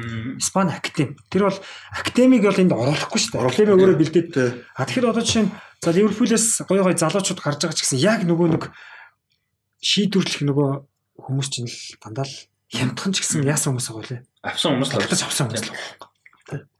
Премьер лигийн бүрэлдэхүүн одоо том багуудын бүрэлдэхүүн хөөрсөн өөр байхгүй шүү дээ. За яг хөө гэхдээ ингээд л ах шиг байна л да. Испани бол ярих юмгүй угаасаа актив. Актив, Актив угаасаа супер. Тэр бол ярих юм байхгүй. Дээрэс нь хөл өмгийн айгуу тийм. Би Испаниг бол тэгж авдаг байхгүй. Тэгээ Англи одоо яг нэг уламжлалт хэм маяг ингээд айгуу удаан явцсан шүү дээ. Англи хэм маяг гэх тээ. Тэр гүйцэгдсэн шүү дээ. Шүү Тэнгүүд Испани хөл өмгийг бол би тэгж харсан. Өмнөд Америк одоо Ис- Испанч өөрөө Өмнөд Америкийг эзэлсэн. Өмнөд Америкч яг үндэ за Гаяна англиар ярьдаг, а Бразил португалаар ярьдаг. А Суринам Нидерландаар бус нь бүгд Испанчтай Төв Америк дээр битүү Испани байхгүй юу. За яа ганц хоёр Ямайк гэдэг англи дуусах хасч тий. Тэгвэл Испани өөрөө Европын улс мөртөө Европын хөлбөмбөгийн соёлтой заяа. Өмнөд Америкийн болон Төв Америкийн хөлбөмбөгийн соёлыг бас агуулсан. Тэнгүүд давхар Испани Гибралтар болон Танжерээр Африкийн хөлбөмбөгч рүү орчдөг. Африкийн хөлбөмбөгийн замналтай Хойд Африк чинь ер нь ингэж байгаа. багцсан байхгүй. Гэхдээ одоо Хойд Африк нь Нидерланд базаад биш үү? Тий, тэгэнгүүт л Оо тэгтээ юу яаж байгаа? Нидерланд дээр базж авсан газар нутгаар өссөн өсөг Испанараа тавьчих. Тий. Тэнгүүд л яаж юм хэлэхээр Испани өөрөө ийм мундаг актемтэй болох шалтгаан энэ гурван за Африкийг хасъя заяа. Африкийн хөл өмгөж байгаа суулгыг хасъя. Энэ хоёр том хөл өмгийн микс амар гой микс байгаа байхгүй. Тэр дунд. Яг заагттай тий. Яг заагт нөхгүй. Яг өөрөө Европ ус заяа. Тэгсэн мөртлөө Өмнөд Америкууд адилхан л ирдэг. Тэгвэл Өмнөд Америкууд нь та нар одоо Месси Суаресаар бодлоо бүгдээрээ л Испанд оч- очдог. Эхлээл Испанд л очоод тэгээд цааш явдсан шүү дээ. Испани Испани актем сайн байгаа шалтгаан нь ерөөсөө би гаргалгаа тэгж авахгүй. Тэгээ одоо энд заяа ингэмээр байна л да. Сая ингээд нөр зарцуулсан юу гарч ирж штэ. Тий. 2017-оос 18 оны удирлаас хойш. Тий. Одоо энд нөгөө нэг олсон орлогыг гаргах юм бол энэ шал өөр тоо гарна шүү бас. Чи Испани бол одоо тэргүүлж өгнө шүү. А орлого дээр бүр нөө Португал Нидерланд Э за за за за ёстой. Тэд нар чинь манай зардагаараа тий зардаг лиг. Ёстой тийм шүү. зардаг лигүүд яваад байж байгаа. Зардаг. Тэд нар чинь тэгэхээр нөө илүү нөө нэг том багуудаас л актем руу гойлон анхаарад скаутууд руу гойлон анхаарад байх шиг байгаа одоо. Португал бол бас яг Испанд адилхан байхгүй юу? Спортинг дээр Бенфика дээр яагаад юу гэхээр нөө Бразилээс очоод хүн авдаг. Тэдний скаутинг гэдэг бол супер те. Нэг гэлтэй. Тэгэхээр бол Испани бол актем. Гэтэ юу штэ. Актемиг бол англичуудад хийгээд байгаа байхгүй юу? Тий одоо ер нь бол нэлийн ач холбогдол өгдөг болчлоо. Одоо Тэм хийдэггүйгээс л болж ундаг л байсан шүү дээ. Одоо сая жишээ нь тэр нөгөө сүүл дээр нэлийн том нийтлэл уншижсэн. Яг нарийн ширээний мартчихж уушаад утсан. Гэтэ зүгээр санаа нь юу гэсэн хэр нөгөө нэг юуны үед 2000 оны дунд үед яг хамгийн том шийдвэр нь ингээд Wembley-г хөрөнгө оруулах уу шин ингээд бааз барих уу гэд. Тэгээ тухайн үед шийдвэр гарч ирсэн нь Wembley-д ач холбогдлоо Wembley-г яатсан. Тэгээ тэрнээс болж Английн хөлбөмбөг ингээд 5 6 жил хоцорсон ингээд тухайн үед хоцорсон гэж өөрөөсөө бүр ингээд маш их бухимддаг холбоо. А тэгээд одоо амар амжилттай явж байгаа юм нөгөө шин Melwood биш хаана нөлөө нөгөө шин парк нөгөө нэг шгшээ багийн бүрэлдэхүүн хийдэг, бэлтгэл хийдэг. Тэр чинь бүр юм маш том бүрэлдэхүүн том юм байл шүү дээ. Тэр бүр эмгтээчүүдийн ши эмгтээчүүд тэгээд актем гэдэг. За нэг гигэн юуны юу гэдэг нэртэй Тий, байдаг. тий, тий, тий. За Сент Джеймс парк биш үү Тий, гэж тий, тий, тэр бол Тий, Нэг Сент юу лээ нэг Сент тийм Дэвс 10 юм байна. Тэгээ тэр ингээд бүр ингээд хөдөө бүх юмнаас хол юм одоо сүртэй мундаг юу те тэр юмнаас хол юм амар том парк юм бэлээ. Тэгээ тэнд ерөөсөө ингээд бүх юм байгаа. Ерөөсөө хэрэгтэй байж болох бүх юм, ерөөсөө нэрлж болох бүх юм байдаг. би ч одоо тэнд одоо зүгээр баг очисон юм шиг л мэдчихээн. Тэгээ тэрийг тэрний ач холбогдлыг ярьж байгаа байхгүй. Тинчэнэс тэр байгаагийн ач холбогдол нь одоо жишээ нь фуд мод зөвхөн ситигийн академикээс гадна нөгөө шгшээгээ багтаа ингээ хүүхд байхдаа бас нөгөө хэддэг хам тоглоод ингээ гараад ирдэг. Тэгээ тэднийх нь академи хүртэл ингээ шал өөр левел Оо би наатач нь ном дээр биччихсэн шүү дээ. Тэгээ сүүлд одоо нөгөө нэг City ч бас нөгөө бас нэг том амар хийсэн юм нь клубдээ нэгдүгээр ихтэй худалдаж тоглогчид худалдаж авахаас гадна эмгтээчүүдийн баг болон хүүхдүүдийн академид амар их ач холбогдол өгч нөгөө Сити хотод хүртэл амар их мөнгө оруулсан юм билээ шүү дээ. Манчестер хотод. Тэр чинь өөр Барсагийнхан хийсэн шүү дээ. Тийм, Брistан энэ хийсэн шүү дээ. Тийм, Брistан байгаа өөр хин ч болоо. Тэр Ситигийн үг би нэрээ Манчестерт очсон шүү дээ. Тэр би өмнөх юун дээр яриаггүй лөө.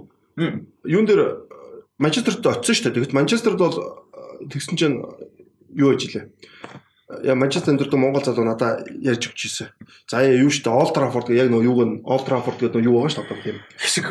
Тий Траффорд гэдэг хэсэг л байгаа байхгүй одоо нэг одоо юу гэдэг одоо гудамж дүүрэг гэх юм уу тий Траффорд тэгвэл Траффорд чи яг энэ талд нь юу гэдэг United зэглэлт байдаг. Энэ талд нь нэг Манчестер хотын зэглэлт гэдэг. City of Manchester. Тэнгүүд нөгөө арабууд хууч зэглэлт юм тий Манчестер City. Арабууд авангуудаа одоо Улаанбаатараар бол юу байгаа тоххой.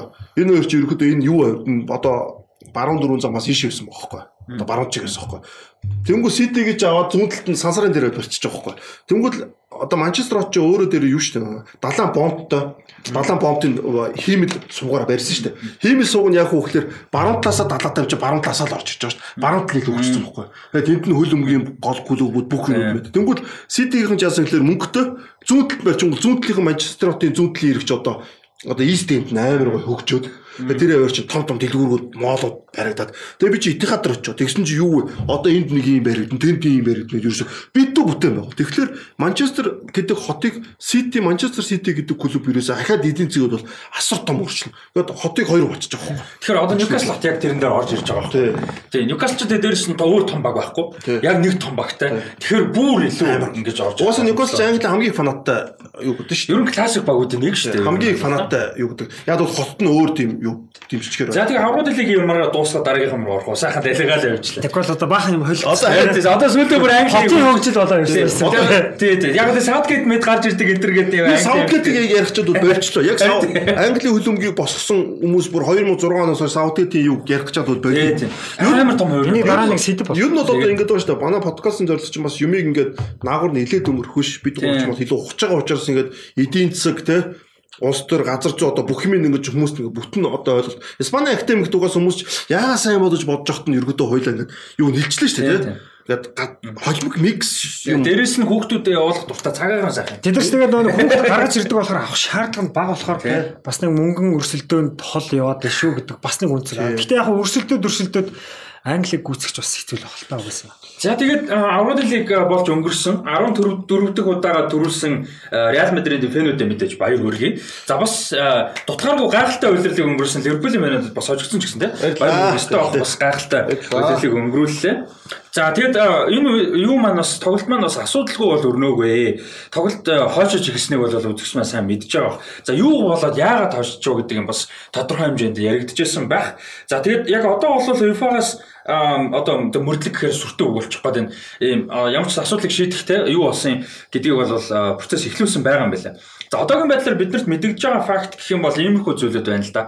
За яг тоглолт эхлэхэд яг энэ тоглолтод ерөөсө 2500 Ливерпулийн фэнүү тоглолтоо үзэж чадаагүй. Цэнгэлт рүү орж чадаагүй. Яг албан ёсны билетээ авсан 2500 Ливерпулийн фэн тоглолт руу орж чадаагүй. Аа Ливерпулийн А яг тикеттэй аль биесны билеттэй 20 гаруй мянган үзэгч болвол 2-5 цагийн өмнө цэнгэлтийн гадаа ирсэн байсан. Ливерпулийн фэнүүдийг тусдаа газар руу ингэж одоо зай багтаа газар руу шахацгаагаад тэгээ оруулахгүй маш удаас. А тэгээ оруулах процессыг нь зөвхөн нэг хүний зайтай. Ерөөсөө тэр хэдэн мянган оруулах процессыг ерөөсөө ганцхан нэг нэгээр ээлжиж араас нь орох. Одоо Монгол баг юм бүртгүүлж байгаа юм шиг те. Ийм юм болгож зохион байгуулсан. Тэр нь асуудалд орсон. За тэгээ тоглолт эхлэх цаг буюу 21 цаг гэхэд цэнгэлтэд Реал цэнгэлтэд орох ёстой Реал Мадридын нийт фэнүүдийн 90% нь орчихсон байсан. А харин яг 21 цаг одоо тэнцэнэ шүү дээ. Францын цагаар гэсэн Парисын цагаар э, нийт орох ёстой байсан Ливерпулийн фэнүүдийн 50% нь л орсон байсан гэсэн. Тэгэхээр 10 гаруй нь аль хэдийн ороогүй бүр угаас орж чадаагүй гэсэн 2500. Тэгэхээр а тэгээд би Анчид гэхдээ зүгээр факт явж байгаа шүү.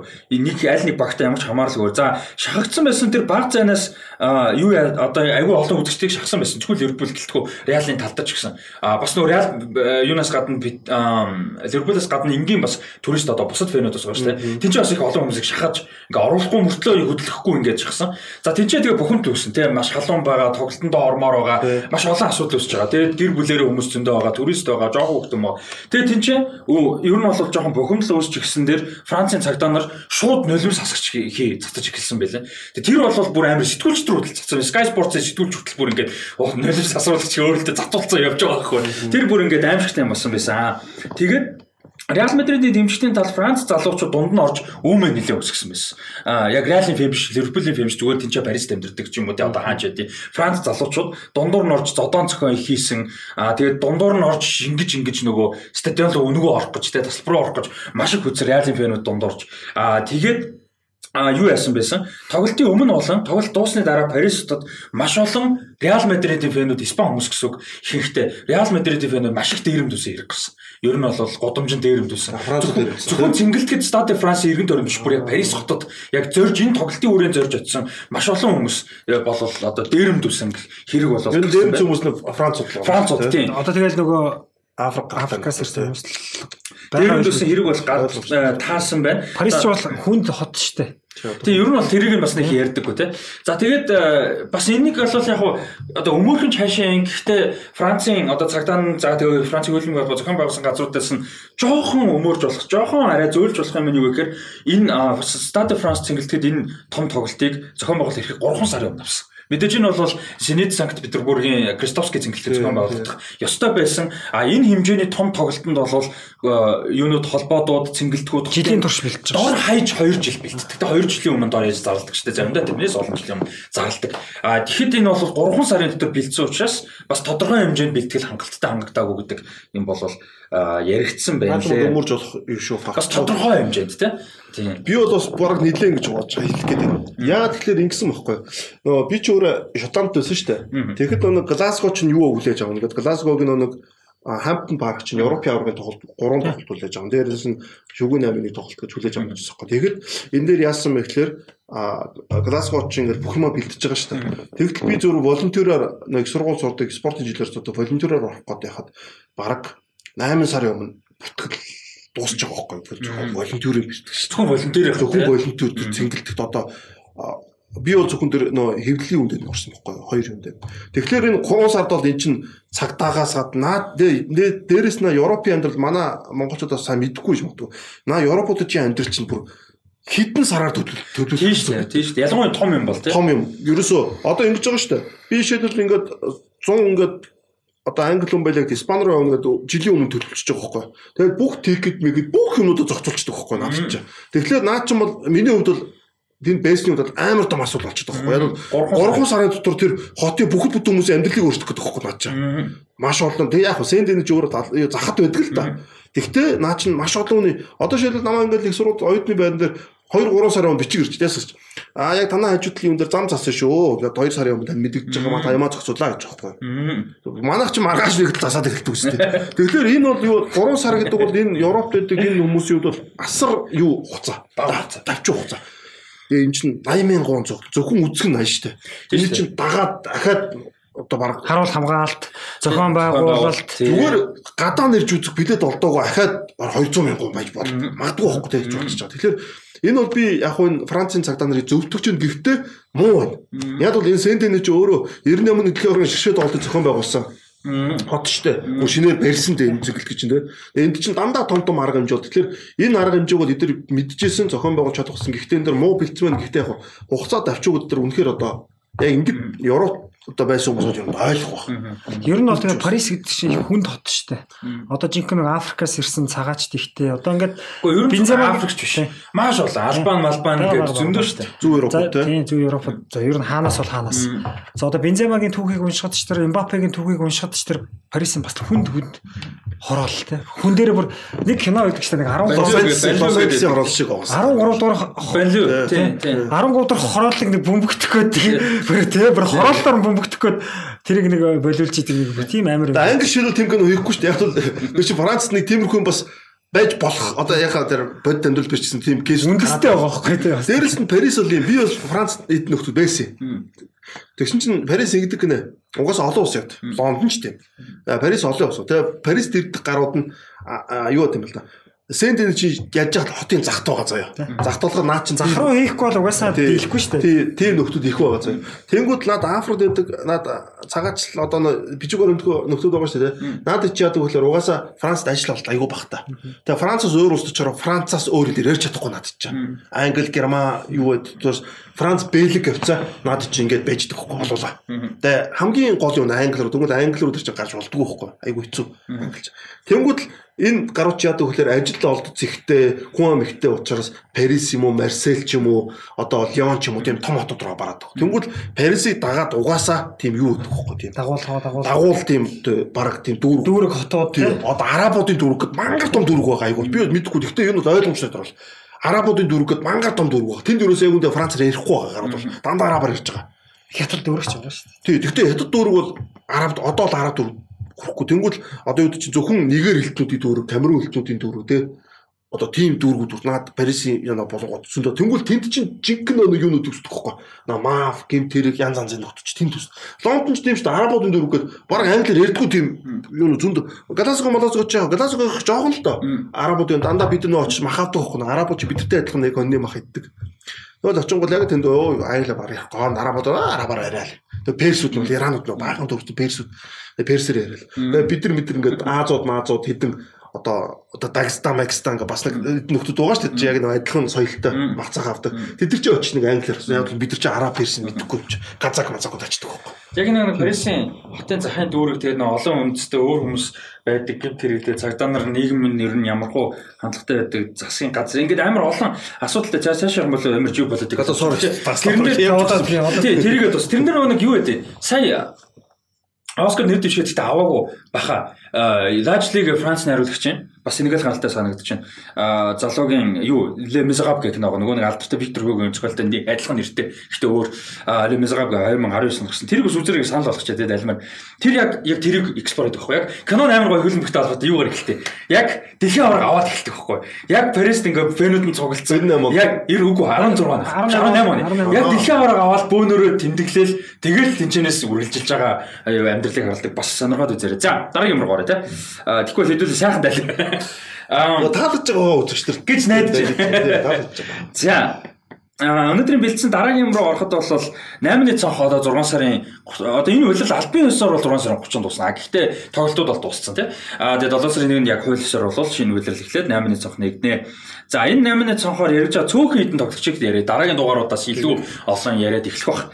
За өчигдөр А Роберт Левандовски бүр өөрийнхөө суугаар мэдгдэл хийсэн. Тэ за одоо ингээд харах юм бол их сөрөг утгатай. Ер нь энэ бүгд би дахиж үргэлжлэх боломжгүй боллоо. Тэ би ингээд агүй олон жил хүчин зүтгэсэн. Миний гэрээ дараа жил дуусах байгаа. Намайг явуулахад одоо саад болохгүй гэж одоо клубтэй Байерн Мюнхен саад болохгүй гэж найдаж байна. Би бол одоо дахиж үргэлжлэж болж чадахгүй гэсэн нэг юм нэлээд сөрөгдөв. Тэгээ ер нь бол хурцтай. Хурц тийг хурцтай. Тэр нь илүү гоё гэн тэ. Илүү хурцын мэдгдэл бол хийсэн. Тэгээд ер нь бол за энийг юу гэж бодож чинь тэгээ өөрөө бол Барселонд явах мөрөөдөлтэй гэдгийг бол ер нь тодорхой ил болгоцсон. Аа тэгээ Барселон клубын хувьд бол одоохондоо ер нь үнэн нь бол 50 евро гэж яригдж байгаа юм. Ерөнхийдөө бол. Одоо нэг жилийн гэрээ туслах юм шүү дээ. Тийм, ер нь бол тэгэж хэлж байна. Тэгээ тэгсэн чинь хим Барселон клуб бол мэдээж эдийн засгийн маш том асуудалтай байгаа. А тэгээ Барселон клубын яг одоогийн байгаа шуумар бол 30 сая еврогийн санал тавих одоо чадал болоо тийм боломжтой байгаа гэсэн мэдээлэл байна. Энэ 8-ны тал дээр юу гэж бодож байна? Тэгээ энэ 8 өөрөө хэдүүлгийнх нь одоо дараа ярих 8 руу хадгалж орж тийм гулгаж орох учраас бас Барсагийн үнээс л асуу да. Одоо Барса байхаа дам Барса байхаа бол дудаж штэ бол тэгээд. Одоо хөлбөмбөг first. Одоо хөлбөмбөг бол айгүй тийм юу болчиход штэ одоо. За энэ бол аргагүй энэ нэгдүгürt энэ том одууд чинь юунаас болдгоо гэхээр нэгдүгürt мөнгө байгаа. Хоёрдугаарт эдгэрч нэг харилцаа. Одоо нэг харилцаараа орж байгаа. Зүгээр Роберт Левандовски бол явандаа хэлэх байх л та. Бас нэг одоо юм ам нээхгүй ч гэсэн нэг хожим нэг намтар ном ном хийх үедээ юу болсныг бол нарийн ярих баг тий. Тэгээ мань хүнийг бол зүгээр хүмүүсийн таамаглаж байгаагаар мань хүнийг яваагүй бахт нь за за яваагүй бахт нь түрүү жил нөгөө Холландыг авна гэж жоохон чичирсэн байлээ. Тэнгүүт нөгөө мань хүнч бас хүндэтгэлгүй хандлаа гэдэг зүйл өөр их ботсон гэдэг нэг тийм шуум явж байгаа. За тэгээ түүнээс гадна бас нэг зүйл юу гэхээр мань хүн бол одоо Германд бол байх ямар ч тийм зориггүй юм. Бүх дээд амжилт авч болох бүх юм авцсан хүн ч одоо тийм нийцсэн тий. Нэг жоохон хэрвээ магадгүй Ирэх өдрөл тоглоод нөөдрийн Аврагын лиг л авсангүй тий. Авсан шүү дээ. яах вэ? 20 онд авлага. Тийм шүү дээ. Сайн хоёр. Тийм шүү дээ. Тийм шүү дээ. Тийм шүү дээ. Солиорч. Тэгээ маань юм чинь оны шилдэг тоглогч болсон. Тэгээд ер нь одоо тэгээ баяр нь жоохон эвгүй байгаа. Одоо магадгүй баяранда байх юм бол аврагын лиг нэг өөрөө хитэн жил харагдахгүй байх. Тийм. Тэнгүүт нөгөө нэг нэг жил нэг канселдсан шүү дээ. Нэг яг хэнийг Тий. балан дээр авъя Тийм. гэх юм. Тийм. Тэгэхээр одоо тэрийг авахын тулд одоо бүжлийг хаяад бүгдээ дэмжлтийн тогтооцсон. Тэгэхээр нэг явъя гэдэг юм юм л давхцсан баг. Нэмээд юу өгч чинь? Нас.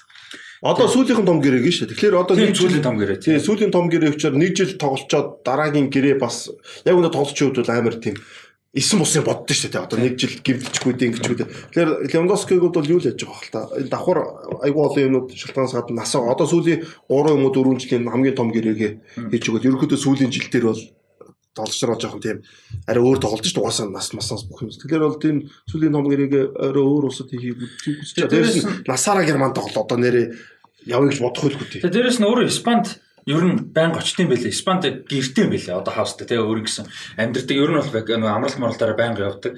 А тэгээ эхнэр нь нөгөө нутриtionist шүү дээ. Тэр шүү дээ юм бэ. одоо хүн- хүнс систем тийм. Тий юу хоол хоол зүгч хоол зүгч. Тэгээд тэр спортын. Тий. Гэтэ спортын Тий. тий. Тим юм байлээ. Тэгээ өөрөөх нь ч гэсэн ер нь карьерийг ингэж одоо энэ насан дээр хүрт ийм хэмжээнд тоглоход эхнэр нь маш том Тий, нэмэр оруулсан тийм гэдэг юм байлээ. Аа тэгээ ер нь бол амар эрүүл хоолж молдог тий дасгал мосл хийдэг. Бас мэдрэг мэржлийн тамшинсаа гадна. Тэгээ эхнэр нь бас тэрэнд нь тусдаг тий. Эхнэр нь бас Испанд тэр одоо салбараараа том бизнес нээж байгаа гэсэн юм бол байгаа юм байлээ. Ер нь бол тэр салбар нь Европт өөр мундаг болж байгаа. Эхнэр нь Испанд руу бас тэр салбараа нэг өргөжлүүлэх сонирхолтой. А тэгээ өөрөө Испанд гос одоо тэгээ нөгөө нэг яг хичээ хилдэг шиг нас нь яаж байгаа тэгээд илүү жоохон тайван, илүү гоё цагаа гартай тий. Илүү жоохон тайван тэгж амьдрах хүсэл бол Би байгаа. дээд нэмэлт нэг имэлчгүй. Энтэй хамаагүй. Тэгтээ би нэг Porsche нөхцөл зуг ажилтдаг гэсэн. Надаас өндөр 2 м төртэй байхгүй. Тэр чинь нөхөр хэлжсэн надаа.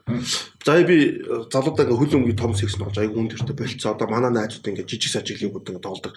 Одоо тэн тэн тоглодог хэлжсэн л да. Тэгэхэд аваар надад ямар мессеж өгсөн бэ гэхээр би испанаар ярьдэн шүү дээ. Тэгэхгүй юу? Чи яагаад испанаас урцсан гэсэн чинь. Аа манай Porsche хүмүүс гэж байхгүй юу? Яг бүгд биш л байх л та нэг тодорхой хэмжээнд. Мөрөд нь Испани нэ Porsche хүмүүстэй. Яадаг гэхээр тэдний зам нь Porsche-то тоглож байгаад Герман руу очино нэ. Германда сайн тоглоод Испанд тоглох. Би бол Барселонд тоглох мөрөөдөлтэй. Тийм учраас би багасаа Испанаас сурсан гэж байхгүй тэр залуу. Одоо э, юу англи бизнесээр сурж байгаа. Хажуугаар надад цаг цаг ажилласан. Тэгэд над тэр тэгжилж байгаа байхгүй. Тэгэхээр над Левандовский гэрс над шууд тэр санаанд орж байгаа байхгүй. Угаасаа Porsche хүмүүсийн замнууд ойлгомжтой. Герман. хоёр том клуб тоглоод Германы клуб тоглосон. За дунджууд нь Германд тоглоод тэ дуусна. Хил соёл ойролцоолоо. Тэнгүүд лагууд нь явах гэхээр англи биш Испани руу явах. Ялангуяа Барсаар ялрах. Тэгээ Барсаар яал ер нь хөлбөмбөгийн ертөнцид нэг тийм ерөөсөө салшгүй нэг тийм байр суурьтай тий. Хичнээн одоо ингээд Ливерпул, Сити, Завидын Премьер Лиг мөн. Англид хамгийн тултсан хүмүүс тэр хоёр л л явдсан шүү дээ. Тэгээ бүр тэнцээ тулаад дараа нь хаашаа явдггүй Реал Барсаар тий. Тэр бол ингээд хатах зөндөө юм байна. Тийм зөндөө юм байгаа. Тэгээ дээрэс нь Абумян бас ярьсан шүү дээ ингээд Барселон тоглох карьертаа боломж олж байгаа хідэн насан дээрээ байгаа ямар нөхцөлтэй байгаа нь хамаагүй. Барселонд олдох боломж над дээр өөр дээр хижээл би хизээчтэй ингэж болж чадахгүй. Ямар ч хөлн бөхч өгтөн тэр бол зүгээр дээд оргил мөрөөдөл дээр Реал Мадрид Барселон гэдэг бол тэр бас нэг юм байгаа л да. Одоо Мбаппе хүртэл тэгж штэ 36 биш 26 хүртэл гэрээгээ сунгачлаа гэж байгаа боловч яг эсэм дээр 26 гэрээнд дууслагт 25 тань Реал руу ойлгомжтой. Тэнд ингэж хэлээ. Сая Карвахал нэг ярьслаа гэсэн. Юу гэхээр мэдээж одоо сүүлийн үеч нэг Мбаппе гэрээгээ сунгаал Реалын хүн бүхнээс л тэр тухайн асууж байгаа шүү дээ.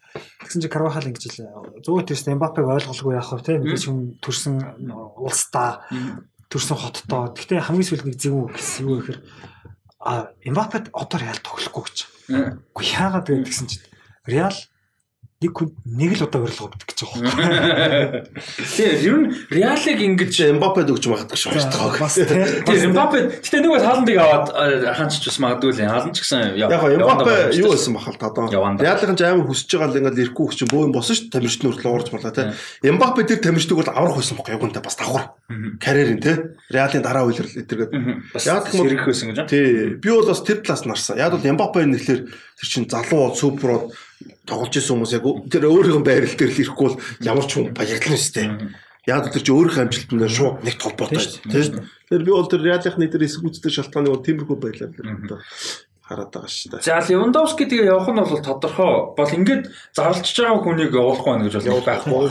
За хаашаа явах нь гэдэг нь бол эргэлзээтэй. Гэхдээ өөрөө бол барьсан гэж байгаа. За тэгэнгүүт оронд нь Баяр мөнхний сонирч байгаа тоглогч бол Садио Мане байгаа. За Манегийн хувьд бол гэрэн дараа жил дуус байгаа. За Садио Мане бол сая Аврал лигийн тоглолт юуны өмнө А шишээ тоглолтын өмнө бол Sky Sports-ын сэтгэл сэтгэл сэтгүүлч асуухад бол тоглолтын дараа хариугаа илья гэдгсэн. Яг одоогийн байдлаар бол аль бишний мэдээлэл өгөхдөө шуун гараад эхэлсэн тийм. Ер нь бол за олон том том их сурвалжууд мэдээлэл том баталгааг их сурвалж. Агент дээр дамжуулаад хэлсэн юм шиг үлээ шүү. Тийм яг өөрөө хэлээгүй л ер нь бол тодорхой болсон. Агент дээр дамжуулаад ерөөдөө явъя гэдэг. За тэгээд яг одоогийн байдлаар байгаа мэдээлэлэр бол яг нэг баг тодорхой гэсэн юм байхгүй. Гэхдээ хамгийн одоо ойролцоо яригдж байгаа хамгийн магадлал өндөртөө одоо агенттэй дамжуулаад ярилцж байгаа нь бол Байерн Мюнхен байгаа. А Байерн Мюнхний хувьд бол 25 он хүртэл гэрээ санал болгож байгаа юм байна. А тэгээд 25 сая паундаар аваад 25 саяын одоо санал гэсэн. Тэгээд нэмээд одоо 8 саяын бонус одоо тэр нь аргууд лиг байд юм уу? Бундеслиг топ скорер одоо янз бүр тийм мэрэгэн боч. Гэх мэт юмнууд авах юм бол. А энэ нь бол тэгээд яг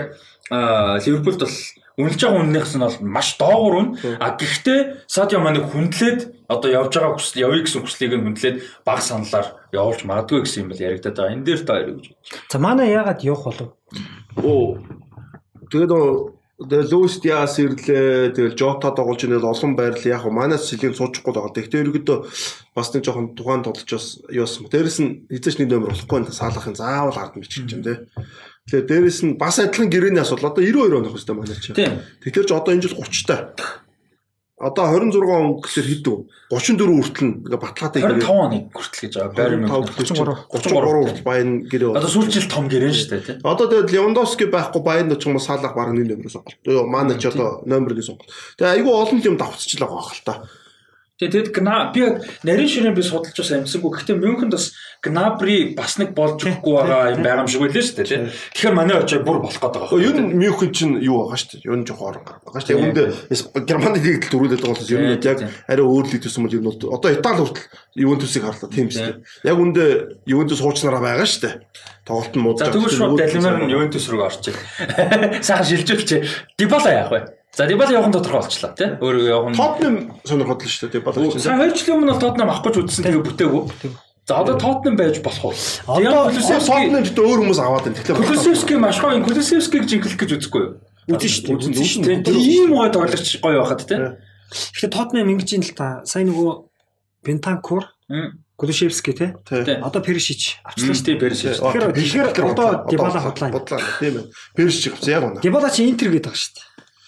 Тийм Дибала харин Интер байх уу гэдэг сонирхолтой. Интер тугаасаа Интерт уушлаарай нөө Растага заагаагүй нөө лого зааж байгаа шүү. Интерт бол угаасаа нэг Аргентинчууд дуртай шүү дээ. Угаасаа дуртай. Тэгэхдээ одоо Дибала баг Англи, Испани руу өөрөө бол дотор болдог. Дибала зүгээр Англи чадахгүй хамаагүй. Харин сайн тий. Ер нь Дибала Авиаста тоглож хинч маргал одоо маргал маргал одоо залуу тоглож биш 28 хүрч байгаа. 28 шүү дээ. Тэр явцаа. Тэгээд ганц юм нь ерөөсө хизэж ингээм юм. Бүтэн үйлдэл доктортой яг амжилттай тоглож үзээгүй те. Яаж иж байгаа гимтдэг за гимтэхгүй маа гэхэд форм алддаг. А гэхдээ авьяастайг нь бол бүгд мэднэ те. А за тэгээд сая хэнийг ярьсан? А Дибала тэгээд юу юу ч хэлээ л дээ Интерийн CEO химэлээ хож Масамо Моратитэй их төстэй нэртэй л нэг хүн байгаа.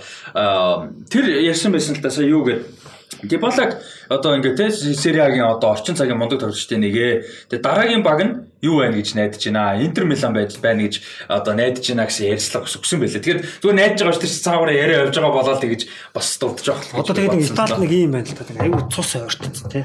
Чалханоглоо Интерт байж байгаа л. Миланд ингээд ингээд ингээд нэг хідэн нөхдүүдийг л нэг хоорондоо ингээд Тэгээ яг одоо юунууд Итали руу сонирхолгүй юм шүү одоо үнэхээр нэг тэдний хэмжээний сайнууд нь Итали гэхлээр нэг явах зүйл. Тэгэл дандаа яг Итали руу бол тийм суперстарын Тотлын нэг старууд нэг очиул очин тэгэл Лукаку Мокаку өдр очиод Погба ч залуудаа очиж очиод буцаал явчихдаг тийм. Нэг тиймэрхүү нэг тэр лиг нь өөрөө сонирхолгүй за цалин нь бол бас бага штэ. Лигийн сонирхолгүй очихоор тэгээд нөө тухайн тоглолчийн карьер мэр айгүй олон бодогддог болсон ч одоо. Би бол тийч хараад байна штэ. Одоо Пирло гарал та. Тийм. Тэгэл Миланоос Ювентус мөн шүү. Яг дундаа ингээд Яг Пирлочи Интертэйсэн. AC Миланд байсан. Интертэйсэн. Тэгээд Брешагаас харсан. Роберто Бажо ч нөгөө хитэг бүгд брааж ус адилхан. Баажууг нөгөө өмсгөл өгдөг шүү дээ. Нөгөө ингээд хар тэнгүүтээ улаан цагаан цэнхэр ирээд хар зураастай бүгдэн дээр нь Ебрач 3 тоглолцсон шүү дээ. Златан бас тоглолцсон. Тэгэхээр Итали яхаар гоо ханьж хэлж байгаа хүн цусалталтай байхгүй. Тэгээ Дебала бол яг үндэ Дебалаг Интер хот боломж зөндөө л тий. Лигээ мэддэг тоглоос урцсан тий. Тэгээ хил усны асуудалгүй тий. Одоо эн чинь бас нэг юм байгаа хөөхгүй. Одоо чи Монголын лиг байлаа гэж дээ шүү дээ. Одоо Монголын лиг ингээд багууд ингээд гаднаас хүн авчрах айгүй рисктэй байхгүй. Авчирлаа гэхэд тэр хүн одоо хин чи нэгдүгээр. Хоёрдугаар тэр хүн тэр хүнд Монгол таалагдаад ч үү те. Тэгээд одоо нэг э, улс орны нөхцөл байдал юм байхад нэг Ливандор нэг жоох юм унжгараа байл. Тэгэхэд одоо яадаг вэ гэхээр багууд чинь өмнөх өмнөх жилд. Монголд ирж исэн өөр мөр багт монголоо мэддэг. Тийм хүмүүсийг авдаг болсон. Яг түүнтэй адилхан Италич бас тийм байна те. Тэр нь бас амарч байгаа даа шүү тий багууд. Тэр өөрсдөө өсөлт төгчтөнд муу л та. Стомбод. За тэгээд э, нэмж ярих нь болохоор Иван Перишич Тоттенхэмд э, нэгтгэн тодорхой болсон 2 жилийн гэгээ гэрээ байгуулсан.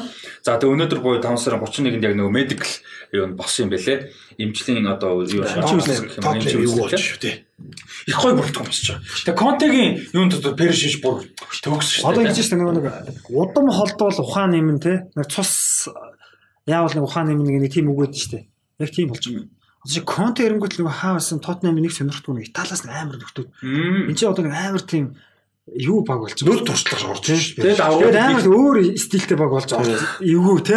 Тэгээ соны соны байрлал шүү дээ ууган. Гэтэ яг Тэгээ Тэгээ яг юу яана л та зүүн нөгөө нэг хин чин контент чинь 3 төвтэй тэгээ хоёр win backтэй тоглолдог. Тэгээ Perisic чи одоо нэг winger хийхэ болцсон шүү дээ. Интерт бол бүтэн үйлрэл сая win backer тогсон яг Симоне Инзагийн дор. Тэгэхээр яг тэр байрал дээр орж ирж байгаа. хамаа хамгаалцтай хөлбөр лөө. Тийм ер нь бол Контест 5-ын бас л эцэг штэ. Тэгээ одоо Эрик Дайер, Бен Дэвис, хин 3-ыг, Реглон. Ромеро 3-ыг одоо бүр амар тоглууллаа шүү дээ. Тий, тэр регулон суух юм уу, хоошлох юм уу? Регулон хин хоёр л жоохон хэцүүж ийн гэсэн үгтэй залуу хоёр тоглогч аа нөтг нь хин.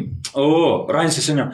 Тэр хоёр жоохон Сесеньоныг уулан тийм. Миний бодлоор Сесеньоныг хуучин фул амд гарч ирснээр нь тоглол гоё байгаа байхгүй. Уршаа? Сонтой ээлжлүүлт юм уу, Кулусевскитэй ээлжлүүлээ. Амар потенциалтай тоглогчтой уулан уршаага. 22 хоногт шүү дээ. Тийм шүү дээ, одоо- хойно тоглож байгаа. Хойно бол дими юм байна. Угаасаа хойно ус тоглолтгүй Тэгээ тоглож. өөрөө ч тийм хойш тоглолтгүй. За тэгээд э, 8 яг шууд утгаараа хөлн хүчний 8 бол биш. Гэхдээ Челси клубын одоо эзний асуудал болоо сая шийдэгцэн. Саяны энэ өдрүүдэд Тод Боли гэж яг ганц ганцаараа аваагүй. Энэ хүн бол яг консорт те. Тод Боли гэж хүн өөрөө тэргүүлж одоо одоо манлайлж байгаа консорт бол 2.5 тэрбум а паундын үнэлгээгээр бол Челсиг худалдаж авах сая ингээд засгийн газар баталсан. А тэгээд тэр 2.5 тэрбум паунд нь бол засгийн газрын хариуцсан дансанд бүр одоо гацх юм байна. А тэгээд тэнцэнс цаашаага нөгөө сайн санааны юу руу явна. Э, Украинд руу ерөнхийдөө явах хэрэгтэй. Украинд одоо Абрамович руу. Абрамович руу нэгч цент ч очихгүй. Ер нь бол Украиндын дайнд одоо өртсөн Дээр мэдчихлээ те. Ер нь бол а хохирогчд руу бол явах хэвээр.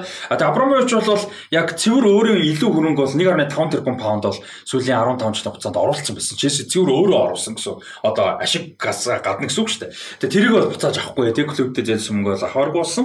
А тэгээд 3 сарын Хоёрнд хамгийн анх яг нөгөө нэг а, Абрамовичиг одоо хорих гэдэг үл юу гэдэг лээ.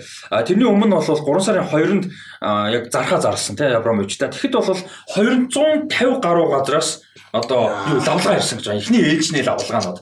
За тэгээ 3 сарын 10-нд бол Абрамовичиг засгийн газар бүх талаас нь одоо хааж хорж хориг тий хориг нь зөв үг баг. Хориг бол тавьж эхэлсэн. За тэрний дараагаас бол 100 100 гаруй талтай яг альбан ёсны анхан шатны хилцээр эхлүүлсэн гэж байгаа. 100 гаруй талтай. А за тэгээд тэрний дараагийн шат нь одоо 3 дахь шат нь юу юм гэхээр 32 талтай альбан шалгараалаа шүү дээ. Тийм шалгаар дараагийн шат яваад шүү дээ. 32 талуудад юу яасан? А арын одоо албаны дансны мэдээлэл юмнуудаа өгөж нууцлын гэрээ байгуулсан. илүү нөө тото болж Чи илүү тоотой илүү арын албан орж илүү тооцоо моцоор мэдээлэл юм орж. болж байна, тийм. А тэгээд нууцлын гэрээ байгуулсан. Аа, Одоо 32 талтай. За тэр дундаас явсаар байгаад 3 4 тал үлдсэн. За тэдний нэг нь бол сая сонгогдож одоо Нэг арабууд их шанстай байна гэдээ яваад байсан шүү дээ. Америкууд тэгээ одоо энэ Todd Bowley бол Los Angeles Dodgers гэж баг юм бас эзэн юм байна. Тийм. За тэгээд ийм одоо хүн яг гэхдээ энэ бол маш олон хүн нийлсэн консорциум. А хүн бол зөв лидер гэж явж авсан хамгийн мөнгөтэй нь хамгийн их гаргаж байгаа. Тийм. За ийм ингээд энэ Todd Bowley гэж бол одоо Chelsea клубын одоо majority owner те болж бол баягаан байна. Жохон тайлбар мэлбэр юм хөө яг хоо. За тэгээ тэгээ нэл. Челси дээр яг үнэхээр одоо Абрамович энэ клубыг бол одоо сая босч одоо 200 ихний лавлаад ч одоо энэ багийг авъя гэсэн маш олон хүсэж мөнгөтэй хүмүүстэй. Тэгээ ямар том брэнд болсон юу вэ? Тэгээд нөгөө талаас нь ойд чи ингээд Английн засгийн газар ингээд Украины асуудалтай энэ бол алууг нь нэртээр хэлсэн. А угаасаа Лондон ч Лондон град гэдэг шүү дээ. Бид дүү Оросууд гэдэг тийм Тэгээд нэг одоо олигархуудын хүүхдүүд нь олигархууд шүү дээ. Тэгээд юу нь бол Абрамович дээр нь Украинад юу нь бол 14 он тэр юу орсон шүү дээ, тий. Кремеро. Крем руу. Крем руу орсон дараа юу нь бол юу аж эхэлсэн шүү дээ. Английн сан газар чинь бол Оросоос ингээд хориг тавьж гисэн тий. Оросоос одоо нэг олигархууд гэж байгаа шүү дээ. Мөнгөний гарал үүсгэж байгаа юм тий. Одоо үүд чинь тогтоох тий мөнгөний гар тогтоогдоогүй тогтоогд баяцсан одоо яг юунаас ийм юунуудын нөхдөд өөртөө жоохон шахах ч юм асуудал гарч ирнэ. Абрамович энэс л нэг хэсэг бас англи руу Израилийн мэрэгэн бас асуудал тэгэхээр энэ бол юуд чинь зөвхөн Украин дан болоод ингээд төгсөж яасан юм эхэлсэн байсан асуудал биш. Тэрний өмнө айл хэдий эхэлсэн. Тэгээ энэ бол угаасаа нэг юу адаг би бол энийг ерөөсө буруу гэж боддог. Яагаад гэвэл тэд чинь тэгэл улсынхаа хамаг баялыг гарууд зөөдөг те ерөөсө. Тэн дээр бол яг хөө ингээд яг айгүй олон талаас тайлбарж олон цаа. Энийг яг геополитикийн юу хийвэл гоё тайлбарлаад хэцүү. Гэхдээ энэ дээр бол би бол нэг хамаар буруу гэж боддгүй. Аа яа тэр үнгээ хөрөнгө оруулж байгаа тэгж байгаа ч гэсэн гарал төслөг үзэж байгаа. Тэгээд юуд чимдээ засгийн газрын энэ шийдвэр бол Украин руу яаснаас хойш бүр яачих шиг болсон л доо хүчтэй. За одоо өөрөө тэр яг үндэ Абрамович өөрөө Украины дайныг хийж байгаа Владимир Путин гэдэг хүний цугаж баргадас дайны санхүүлагчуулагч тийм нөхцөл байдал руу бас яригдж байгаа учраас энэ бол бас нэг тийм орчид. За ингээд дуусна. Цаашаа ярууд явах гээд. Цаашаа геополитик руу тийм. Явах гээд. Тийм. За ямар ч тач Челси клубын бас нэлээд докторгүй яг цэвэр хөлбөмбөгийн фэнүүд гэдэг талаас а бас байгууллага гэдэг талаас тийм хөлбөмбөгийн клуб гэдэг талаас маш докторгүй ирээдүйн тодорхойгүй юм одоо тийм сайхан биш үе бол сая байлаа. А хэцүү байсан. За тэр үе нь бол ямар тач дуслаа тийм. Одоо ингээд шин үе эхэлж जैन. За шин эзэнтэй мэдээж шин эзэн ирсэн үедээ нэлээд мөнгө цацгах За бас нэлээд докторжуулахыг хүсэх бах те. А одоо нөгөө нэг бүрэлдэхүүнийг үргэлжлүүлэхийг хүсэх бах. Зөвхөн нөгөө хөл мөчтөхөөс одоо байгууллага гэдэг утгаараа те. Томас Түхлээс ахуулаад яг үргэлжлүүлж одоо юу л байна л да. Ливерпулийг одоо Хенригийг авсан шүү дээ. Яг эдэршгэл явах бах. Угаасаа Америк завгар те. Угаасаа эдэр чинь бас Америкт хөл өмгийн юуны баг баг дээр яг энэ заврыг нэврэл явах бах. За ер нь гайгүй тэг амжилтын өмнөс найж чинь тэгээ Челсигийн фэнүүд ямар ч нэг амьсгаа авах. Боллоо. За За энэгээр ингээд 8-ны э, цонхоо зүгээр энэ удаад дуусгая. Дараа дараагийн дугаараар угаасаа илүү детальтайгаа ярих боломжтой болно. Илүү жижиг багуудын илүү одоо супер хот биш тоглогчдын гоё сонирхолтой 8 минутыг илүү ярина гэж бодож байгаа.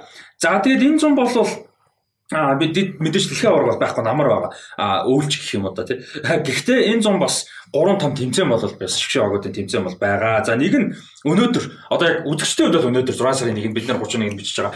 А 2020 оны одоо финалиссима гэж э, тоглолт бол болно. За энэ бол өмнө нь А Артемио Франки Кап гэж нэртэй тэмцээн бол байсан. Хоёр удаа тоглогдчихсэн учиртай. За энийг ингээд одоо түүхэнд ярих юм бол 3 дахь удаага. За ер нь шинээр ихэд буруудахгүй те. Ийм бол тоглолт болж байгаа. За энэ юу вэ гэхээр Европын хөлбөмбөгийн холбоо Өмнөд Америкийн ТV хөлбөмбөгийн холбоо буюу CONMEBOL болон UEFA-гийн одоо шинжилсэн одоо хамтран ажиллах гэрээ байгуулсан. За тэрний хүрээнд бол энэ хоёрын одоо ТV-ийн аваргууд хоорондоо ингэж одоо супер том маягийн те тийм тоглолт бол хийж яхад эхлүүлж эхлүүлж байгаа. За тэгээ тэр нь бол өнөөдөр 6 сарын 1-нд болж байгаа юм байна. За энэ нь Английн Wembley цэнгэлтэхэд болон Лондон хотын за тэгээд Италийн шгшоог болон Аргентины шгшоог тоглоно. За энэ тоглолтын өмнө бол хамгийн сонирхолтой байгаа нэг юм нь юу Леонел Скалонид асуужуулагч Аргентины шгшоог бол 31 тоглолт хожигдоог байгаа юм түүхэндээ. Альбисета бод Аргентины шгшөө багийн түүхэнд байхгүй амжилттай байна. Энэ бол одоо гахалтай түүхтэй баг шүү дээ.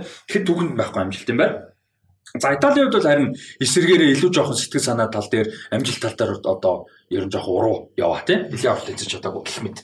За энэ тоглолтын дээр юу гэж бодож байна? Яг цэвэр тоглолт талаас нь аль нь хожно гэж бодож байна. А дээрээс нь нэмээд дараагийн асуулт нь болохоор яг ийм супер цом шиг иймэрхүү тоглолт байх нь ер нь ямар санагдаж байна? ТV аврагууд хоёр ТV том аврагууд тоглох зүгээр хаа. Тэгэхгүй л 8 гээд 8 ТV нөө жижиг мжиг шинжлэн план зорж аваад байдаг шүү дээ. Яг энэ хоёр тоглол зүгээр. Одоо хууч нөгөө ийм байсан шүү дээ. Intercontinental Cup гэдэг тэв хоорондын цом гэдэг. Одоо Libertadores-ын цомын эзэн аврагуудын лигийн аврагууд гоё үздэг байсан шүү дээ. Тэгсэн чинь одоо нэг тэр клубүүдийн дэлхийн авраг шалралт тэмцээн болоод ч одоо бүр 16 баг магтаа болгож байгаа шүү дээ. Одоо болох гээд байгаа шүү дээ. Тэр өсө заваа. Тэгэхээр одоо шууд ийм тэмцээн байвал их гоё хаа. Энэ бас ийм тэмцээн болох үндсийг тавьсан юм чи манай мар ах шүү дээ. Мар ах тэнгэр твшээл. Мар ахыг дэвшсэний дараа мар ахын их орон Аргентин Копа Америка төрүүлээ. Мар ахын карьерийн ихэнхээ хугацаанд өнгөрсөн Италийн улсынх нь шигшээг төрүүлэнгүү тийм яриа гараад эхэлсэн шүү дээ. Тэгээ эн чинь одоо баг тэр явсараагаад болчихж байгаа юм байна те. Тэгээ гоё л бах. Одоо ингээд э, нэг юм тоглолт хийж ивэл бас энэ ч баг уламжлал болчиход гоё юм да. Тэгээ Скалоныгийн хувьд бол ингэ удаан амжилтаар Скалоны өөр хамгаалагч байсан шүү дээ. Испани тоглосон дээ. Испани. Баруун хамгаалагч. Тий, баруун хамгаалагч. Бид нар үздэг байсан үү шүү дээ. Скалоны ч. Тэгээд өөрөө хамгаалж ирсэн хамгаалтын юуг аягүй сайн байна.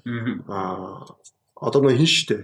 Нөө Почетино, Пласант эдрийн үе ихгүй юу? Тий. Самуэль Момойл эдэр чи одоо Роберт Аяла эдэр чинь зүгээр тоглолдог гэсэн. Тэгээ яг шигшээд бол нэг амар гавтай байгаагүй. Силээс тоглолдог. Скала нэг бол хамгаалтаа сайн зохион болсон. Угаасаа юу яаж байгаа харж байгаа л да Аргентин угаасаа тасгажуулагч уламжлал мундаг.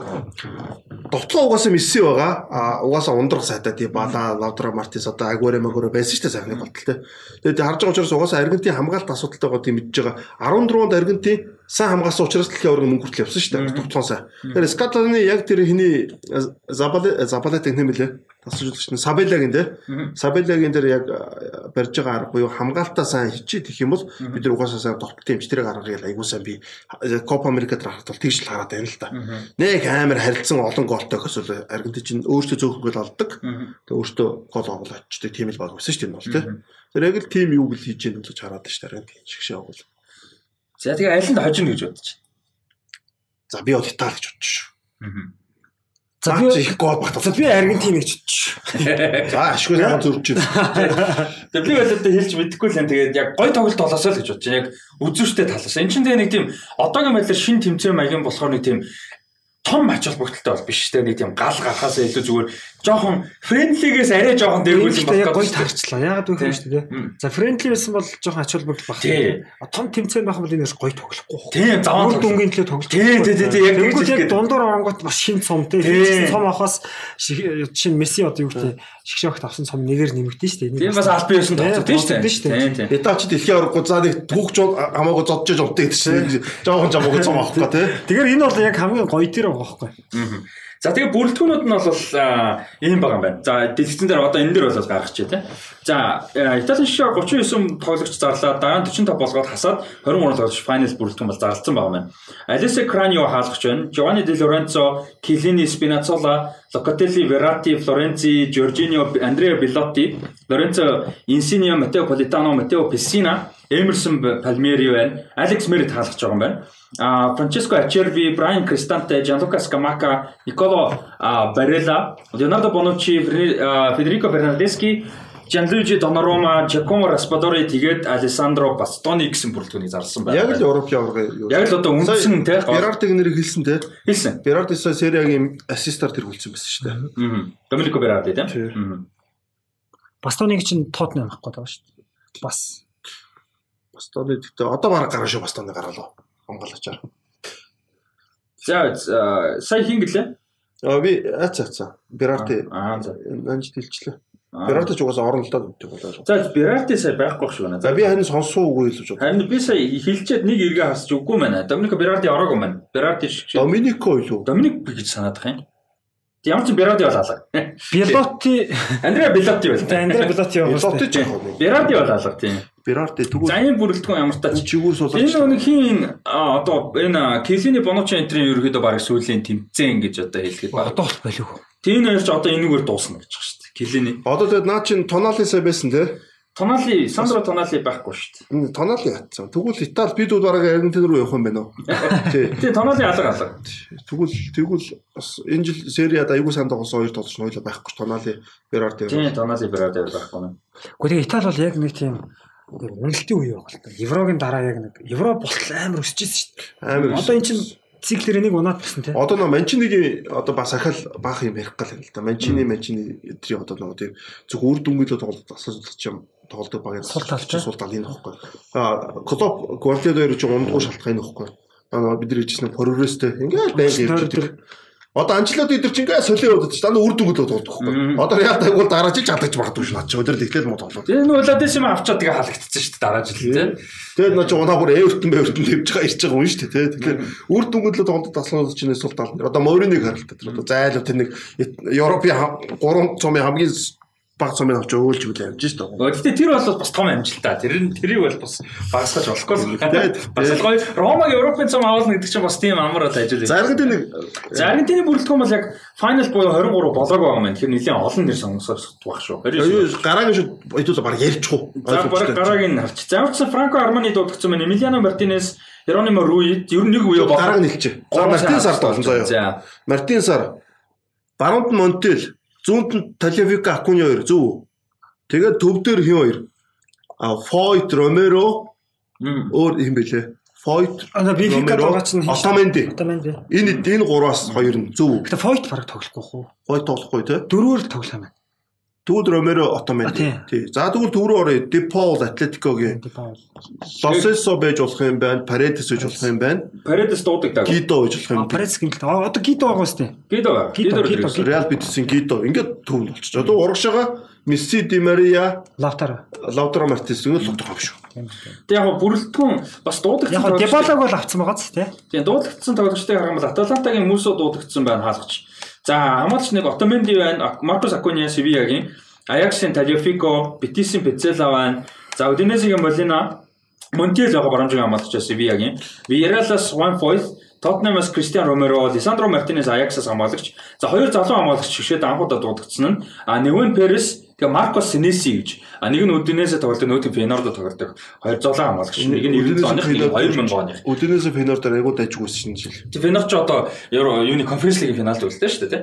За тэгээ хагас хамгаалагч Родриго де Паул Лоселсо, Гидо Родригес, Николас Гонсалес Execuel Palacios энэ юуны Ливеркусны энэ их сайн тоглосон юм жаа. Тэгээд энэ сайн аврал лиг ирэх авсан шүү дээ. Тийм 3-д орж ирлээ тий.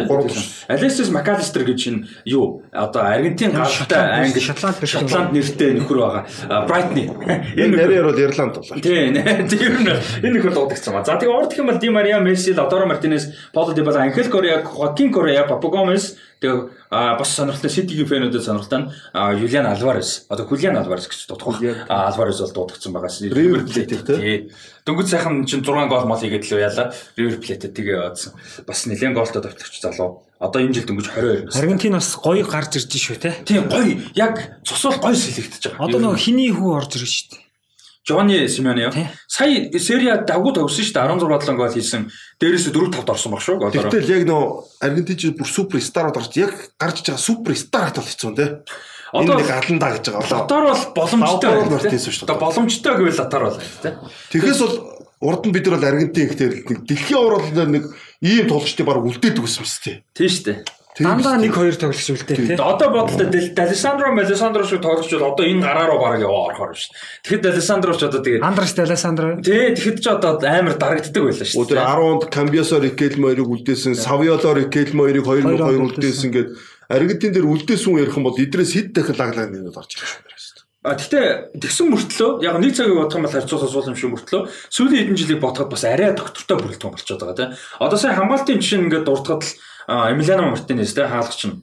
Хаалгач цаан болцсон. Тэгээ Отоменди Отоменди хин Ойс Ромеро 3 гэх төвийн 3 дээр тоглож чинь. Баруун зүрнэр Монтел Монтел Акуниа гэх товтооны сэтгэлээр амар сайтай хоёр жиг. Тэгэхээр бас гоё байхгүй. Төв дээр Гидо Родригес де Паул гэдэг ийм баталгаатай хоёр тоглож шүү дээ. Паул аюул сайн байна. Тэгэхээр яг бас гоё байгаа байхгүй. Ер нь бол. Тэгэхээр наа чи энэ хамгаалтай байгаа байхгүй тий. Гидо Родригес бол одоо бөмбөгт булаах, таслах, цэвэрлэх хар ажиллаар бол Испани Ла Лигт сүүлийн 2 удирал дараалж за ихний дөрөвт орсон шүү.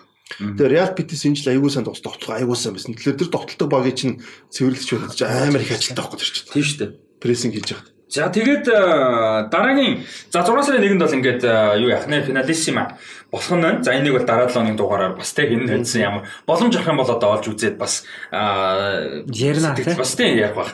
За бүрэлдэхүүн яаж тоглоо өнтер гээд. За дараагийнх нь бол энэ 100 энэ 100 эхэлж байгаа гэвэл зөв. 2022-оос 23 оны үеэрэлт UEFA-гийн одоо Nations League гэж нэг тэмцээн байгаа. Нэг нэг сайхан замбраагүй толгой хэрэгсэн нэг юм байгаа. За энэ дээр бол нэг их юм бол ярихгүй гэхдээ энэ зам бол эхэлж байгаа. За зүгээр ямар хэсэгт ямар богод байгаа гэдгийг товч харж байна.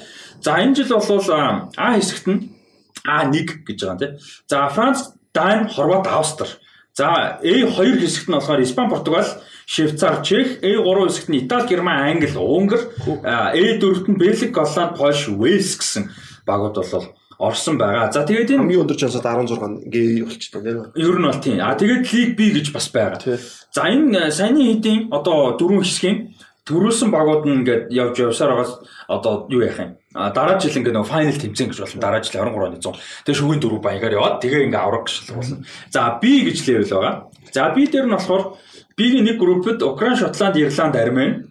B хоёрт нь болохоор а Исланд, Израиль, Албани, Орос байгаа юм байна. За Оросыг бол аль биесээр шууд хасаж дуудаж байгаа юм байна. За тэгээд B гуравт нь болохоор Босни Херцеговина, Финланд, Румын, Монтенегро. За тэгээд би дөрөвт нь Швед, Норвег, Серб, Словен гэсэн. Эднээс сонирхолтой группүүд, сонирхолтой тоглолтууд Англи, Англи юу юу гэж вэ? Унгар Унгарч нөгөө дахиад дахиад нөгөө Итали, Итали, Герман, Англи, Унгар.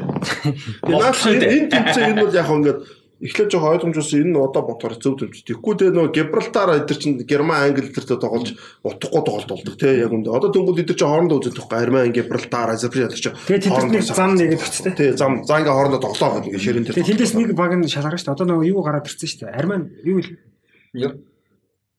Аа. За Европын ордор Косово эдэр чинь баг тийм юу орж ирж байгаа шүү дээ. Тий. А тийм Косово Македон яг үндэ Норт Норт Македони яг. За одоо сид хэсэгтэр нэг юм байгаа байхгүй. Турк, Люксембург, Литв, Фаро айланд, Фарогийн арлууд. А тэгээ сигийн хоёрд нь болохоор Хойд Ирланд, Грек, Косово, Кипр.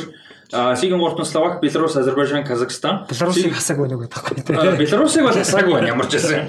А нэг тосог гэсэн юм л тэ. А тэгээд си дөрөвдөр нь болохоор Болгар, Манай мөн Болгар, Хойд Македонд, Гүрч болон Гибралтар. Одоо энэ чинь хэсэгтээ баг Бараг таардгүйсэн магуудад хоорондоо тоглоод энэ аягүй гоё юм болж байгаа байхгүй. Наач яг өндөө бас яг цом өргөх нэг боломжтой. Цом өргөхөөс гадна яг тэнцүү багуудад тоглоно гэж аягүй өсч өгч. Тэгэхгүй тэгээд 10-0 дүүлээд авах чинь бол ерөөдөө үзэж байгаа үзэгч шал дими тоглолт болчихдог байхгүй тий яг үнд бол тий.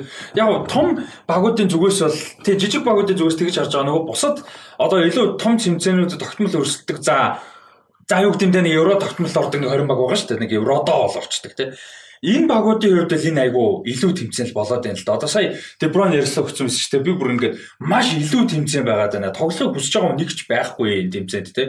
Ингээд 60 тоглолттой 50 тоглолттой улирал дуусаад ядчихад ийм тэмцээн үнтэй хинт хэрэггүй тэмцээн байгаад байна. Урдсан шат юм биш шүү дээ тийм. Урдсан сатбат биш шүү дээ энэ чинь. Тэгэхээр ингээд маш илүү байна гэж тэр бухимдал дээр юу гэж бодож байна. Том багууд бол бухимдалтай байна дээр бол. Наа чинь ус бухимдгаар бухимдгаар одоо. Тэгэхээр яг жижиг багуудтай гоё. Тэр бол хөлөө зөвшөөрж байгаа. Гэхдээ зөрүүлээ том багуудтай бол энэ бас илүү юм болж байгаа тийм. Наа чинь давхар нь үзэгчтэй бодоод байна л да. Үзэгчтэйг сайхан том багуудын хооронд байнга тоглож үзүүлэх гэж байгаа юм байна. Тэгэл одоо хэдүүлээ дараагийн 7 хоног би ингэж бодож байна. Бас сая санаанд орлоо яг гоё сэдв байгаа маань. Аврагуудын лигийн шинжилсэн системийг хэдүүлээ тайлбарлаж ярих гэж бодож байна л да. Тэрнтэй адилхан яг би сая яг тэр бодсон гэхээр энэ UEFA FIFA хоёр ерөөсөө тоглолтын тоог нэмэх юм бодоод байгаа. Ерөөсөө аль болох олон тоглолт нэмэх, аль болох олон тоглолтын эрх телевизүүдэд зарах, аль болгон телевизүүдээр олон гарах олон тоглолтын реклам спонсор авах. Ерөөсөө тийм том асуудал. Одоо дэлхийн аваргыг 40 хэдэн баг үлээ болгох гээд байгаа тийм. Болцсон шүү дээ. Болчлоо. 40 40 баг болсон байна. 26 оноос 36 48 баг болцсон. Тийм 48 тийм 48 баг болсон шүү дээ. Тийм Юунаас үлээ 26 оноос биш үү? 32 оноос. 26 30 оноос үлээ 26. 26 тийм. Америк, Мексик, Канадад болох шүү дээ. Тийм тэгээ санаад байна. 26 юу 30 уу? Ямар ч нийтлэгийн аварга 26-аас 48 болж байгаа. Тийм тийм тийм тийм. Тэр бол 48 болж байгаа хөө. Аз чинь Аз чинь бараг 8.5 билүү 7.5 эрэхтэй болж байгаа. Тэгээ тэрийг бас дэлхийн ороод өгөхөөр хэдүүлээ ярих бах. А тэгээ Австрал төв чинь 1.5 болж байгааг бол Шинзланд шууд автоматар орно. Тий. Автоматар орно Шинзланд шууд. Тэгээд аврагд лиг 36 багтаа болж байгаа. Тэгээд лиг системээр Swiss модел. За тэр мэдгийг одоо нэмээд яриа тий. За тэгээд энэ European Nations League-ийн UEFA-гийн Nations League-ийн дөрөв дэх лиг гэж бас байгаа. Ди эсвэл. За та та энийг таалах юм. Ди левелд ямар улсууд байж бол. Сайн бисэн улсууд хэлсэн шүү дээ. Фаро Гибралтар дээр байхгүй шүү. Сайн хэлсэн. Бага мó. Сайн си дээр орсон байсан. Сан Марино. Сан Марино, Андорра. За Сан Марино байна. Андорра байна. Лихтенштейн. Лихтенштейн байна. Малт. Малта. Малта, Малта байна. За, нийт 7 улс байна. Дөрөв нь хэлчлээ. За, Эстон байна уу? Эстон байна. За, янз явж. За, одоо бил. Литва их муудаад. За, Литв түрүү хэлсэн түрүүн бол байсан. Сид байсан. Тий, за.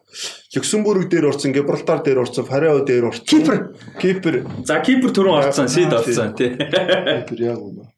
Албан дэше орцсон. Одоо яг Молдав. За Молдов одоо ганц. Молдав. За олноо. Европын аль аль хэсэгт би олж байгаа асуудал. Жохон бодоод бодоод л асуудал. Улсуудыг бодоод бодож таа чи. Одоо ганц үлдсэн. Люксембург, Лихтенштейн, Сан Марино, Андорра юу? Оо Монако аахгүй. А Монако сая юу бишээ сая юу хэлчихлээ шүү дээ. Андора. Андорра. Андорра байсан баг. Оо би Андорра түрүүн гарцсан гэж Түрүү гарааг байхгүй сая яг хэл- хэлээг байсан тийм. За үлдсэн 7 баг энэ байна. Лихтенштейн, Молдова, Андорра, Латв нэг хэсэгт, Малта, Эстон, Сан Марино нэг. Латв яасан доошлоо. Харин латууд орж тий. Латв ч нөгөө хим хүн биз дээ. Райнер Клаван энэ төр хүн биз дээ. 2004 оны Европын хавд орсон багш надад ч. Ингэж бодох гэж. Шүү. хөнгүү шахуу усад тоглоод байдаг. Андорра мандорч хүн байхгүй хөлөм хөгждөг үстэй. Лихтенштейн маань ч одоо тэгээд хин байхад хин тоглох дээ. Бараг нэг том уул тэгээд бөмбөчлөр их орноос руу гараа авчдаг гэдэг хөгждөггүй. Тийм хошин юу гэдэг үстэй тий. Тий. Өөр ус илд авчдаг гэдэг. За нэг юм бол юу байна аа тэмцээн бол болох нь байна. Тэгээд ямар ч хэсэн хэсгийн шатны эхний тоглолтууд нь болоод 9 сар дахиад Манай подкаст явж өгч байна тий. За явж үуч. Тэгээ одоо ер нь дуусах зар руу орж байна тий. За юу сүүлийн хэсэг рүү оръё. За энэ зам бол 7 сарын 6-наас 7 сарын 31-ний хооронд Европын хөлбөмбөгийн холбооны эмэгтэйчүүдийн Европын аврах шалруулах тэмцээн болно. Англид болж байгаа энэ удаад. За тэгээ хэсэгтээ ийм бол шалгарсан байна. За Англи, Австри, Норвег, Хойд Ирланд нэг хэсэгт юм байна. За зохион байгуулж байгаа Англи. За дараа нь болохоор Англи, Дан, Испани, Финланд. За энэ бол бас нэлээд Герман юм шүү тий. А тийм Герман тий тий уучлаарай. Герман, Дан, Испани, Финланд гэсэн хэсэг байна. За тэгээ араас нь C хэсэг нь болохоор Голланд, Швед, Швейцар, Португал. Чи эвгүйсэх хүн да. За тэгээ D хэсэг нь Франц, Итали, Бельги, Исланд. За ер нь бол харах юм бол Англиас бусад хэсгүүд нэлээд өрсөлдөөнтэй Баси байгаа. хэсэг ч бол эвгүйсэх. Хэсгүүд бол харагдаж байна. Нидерланд хоёр. За нэг юм байна. Энэ дээр тамаг байна уу? Ер нь аль багууд арай жоохон өвчтэй байна гэж бодож байна. Аа Нидерланд сайн байгаа.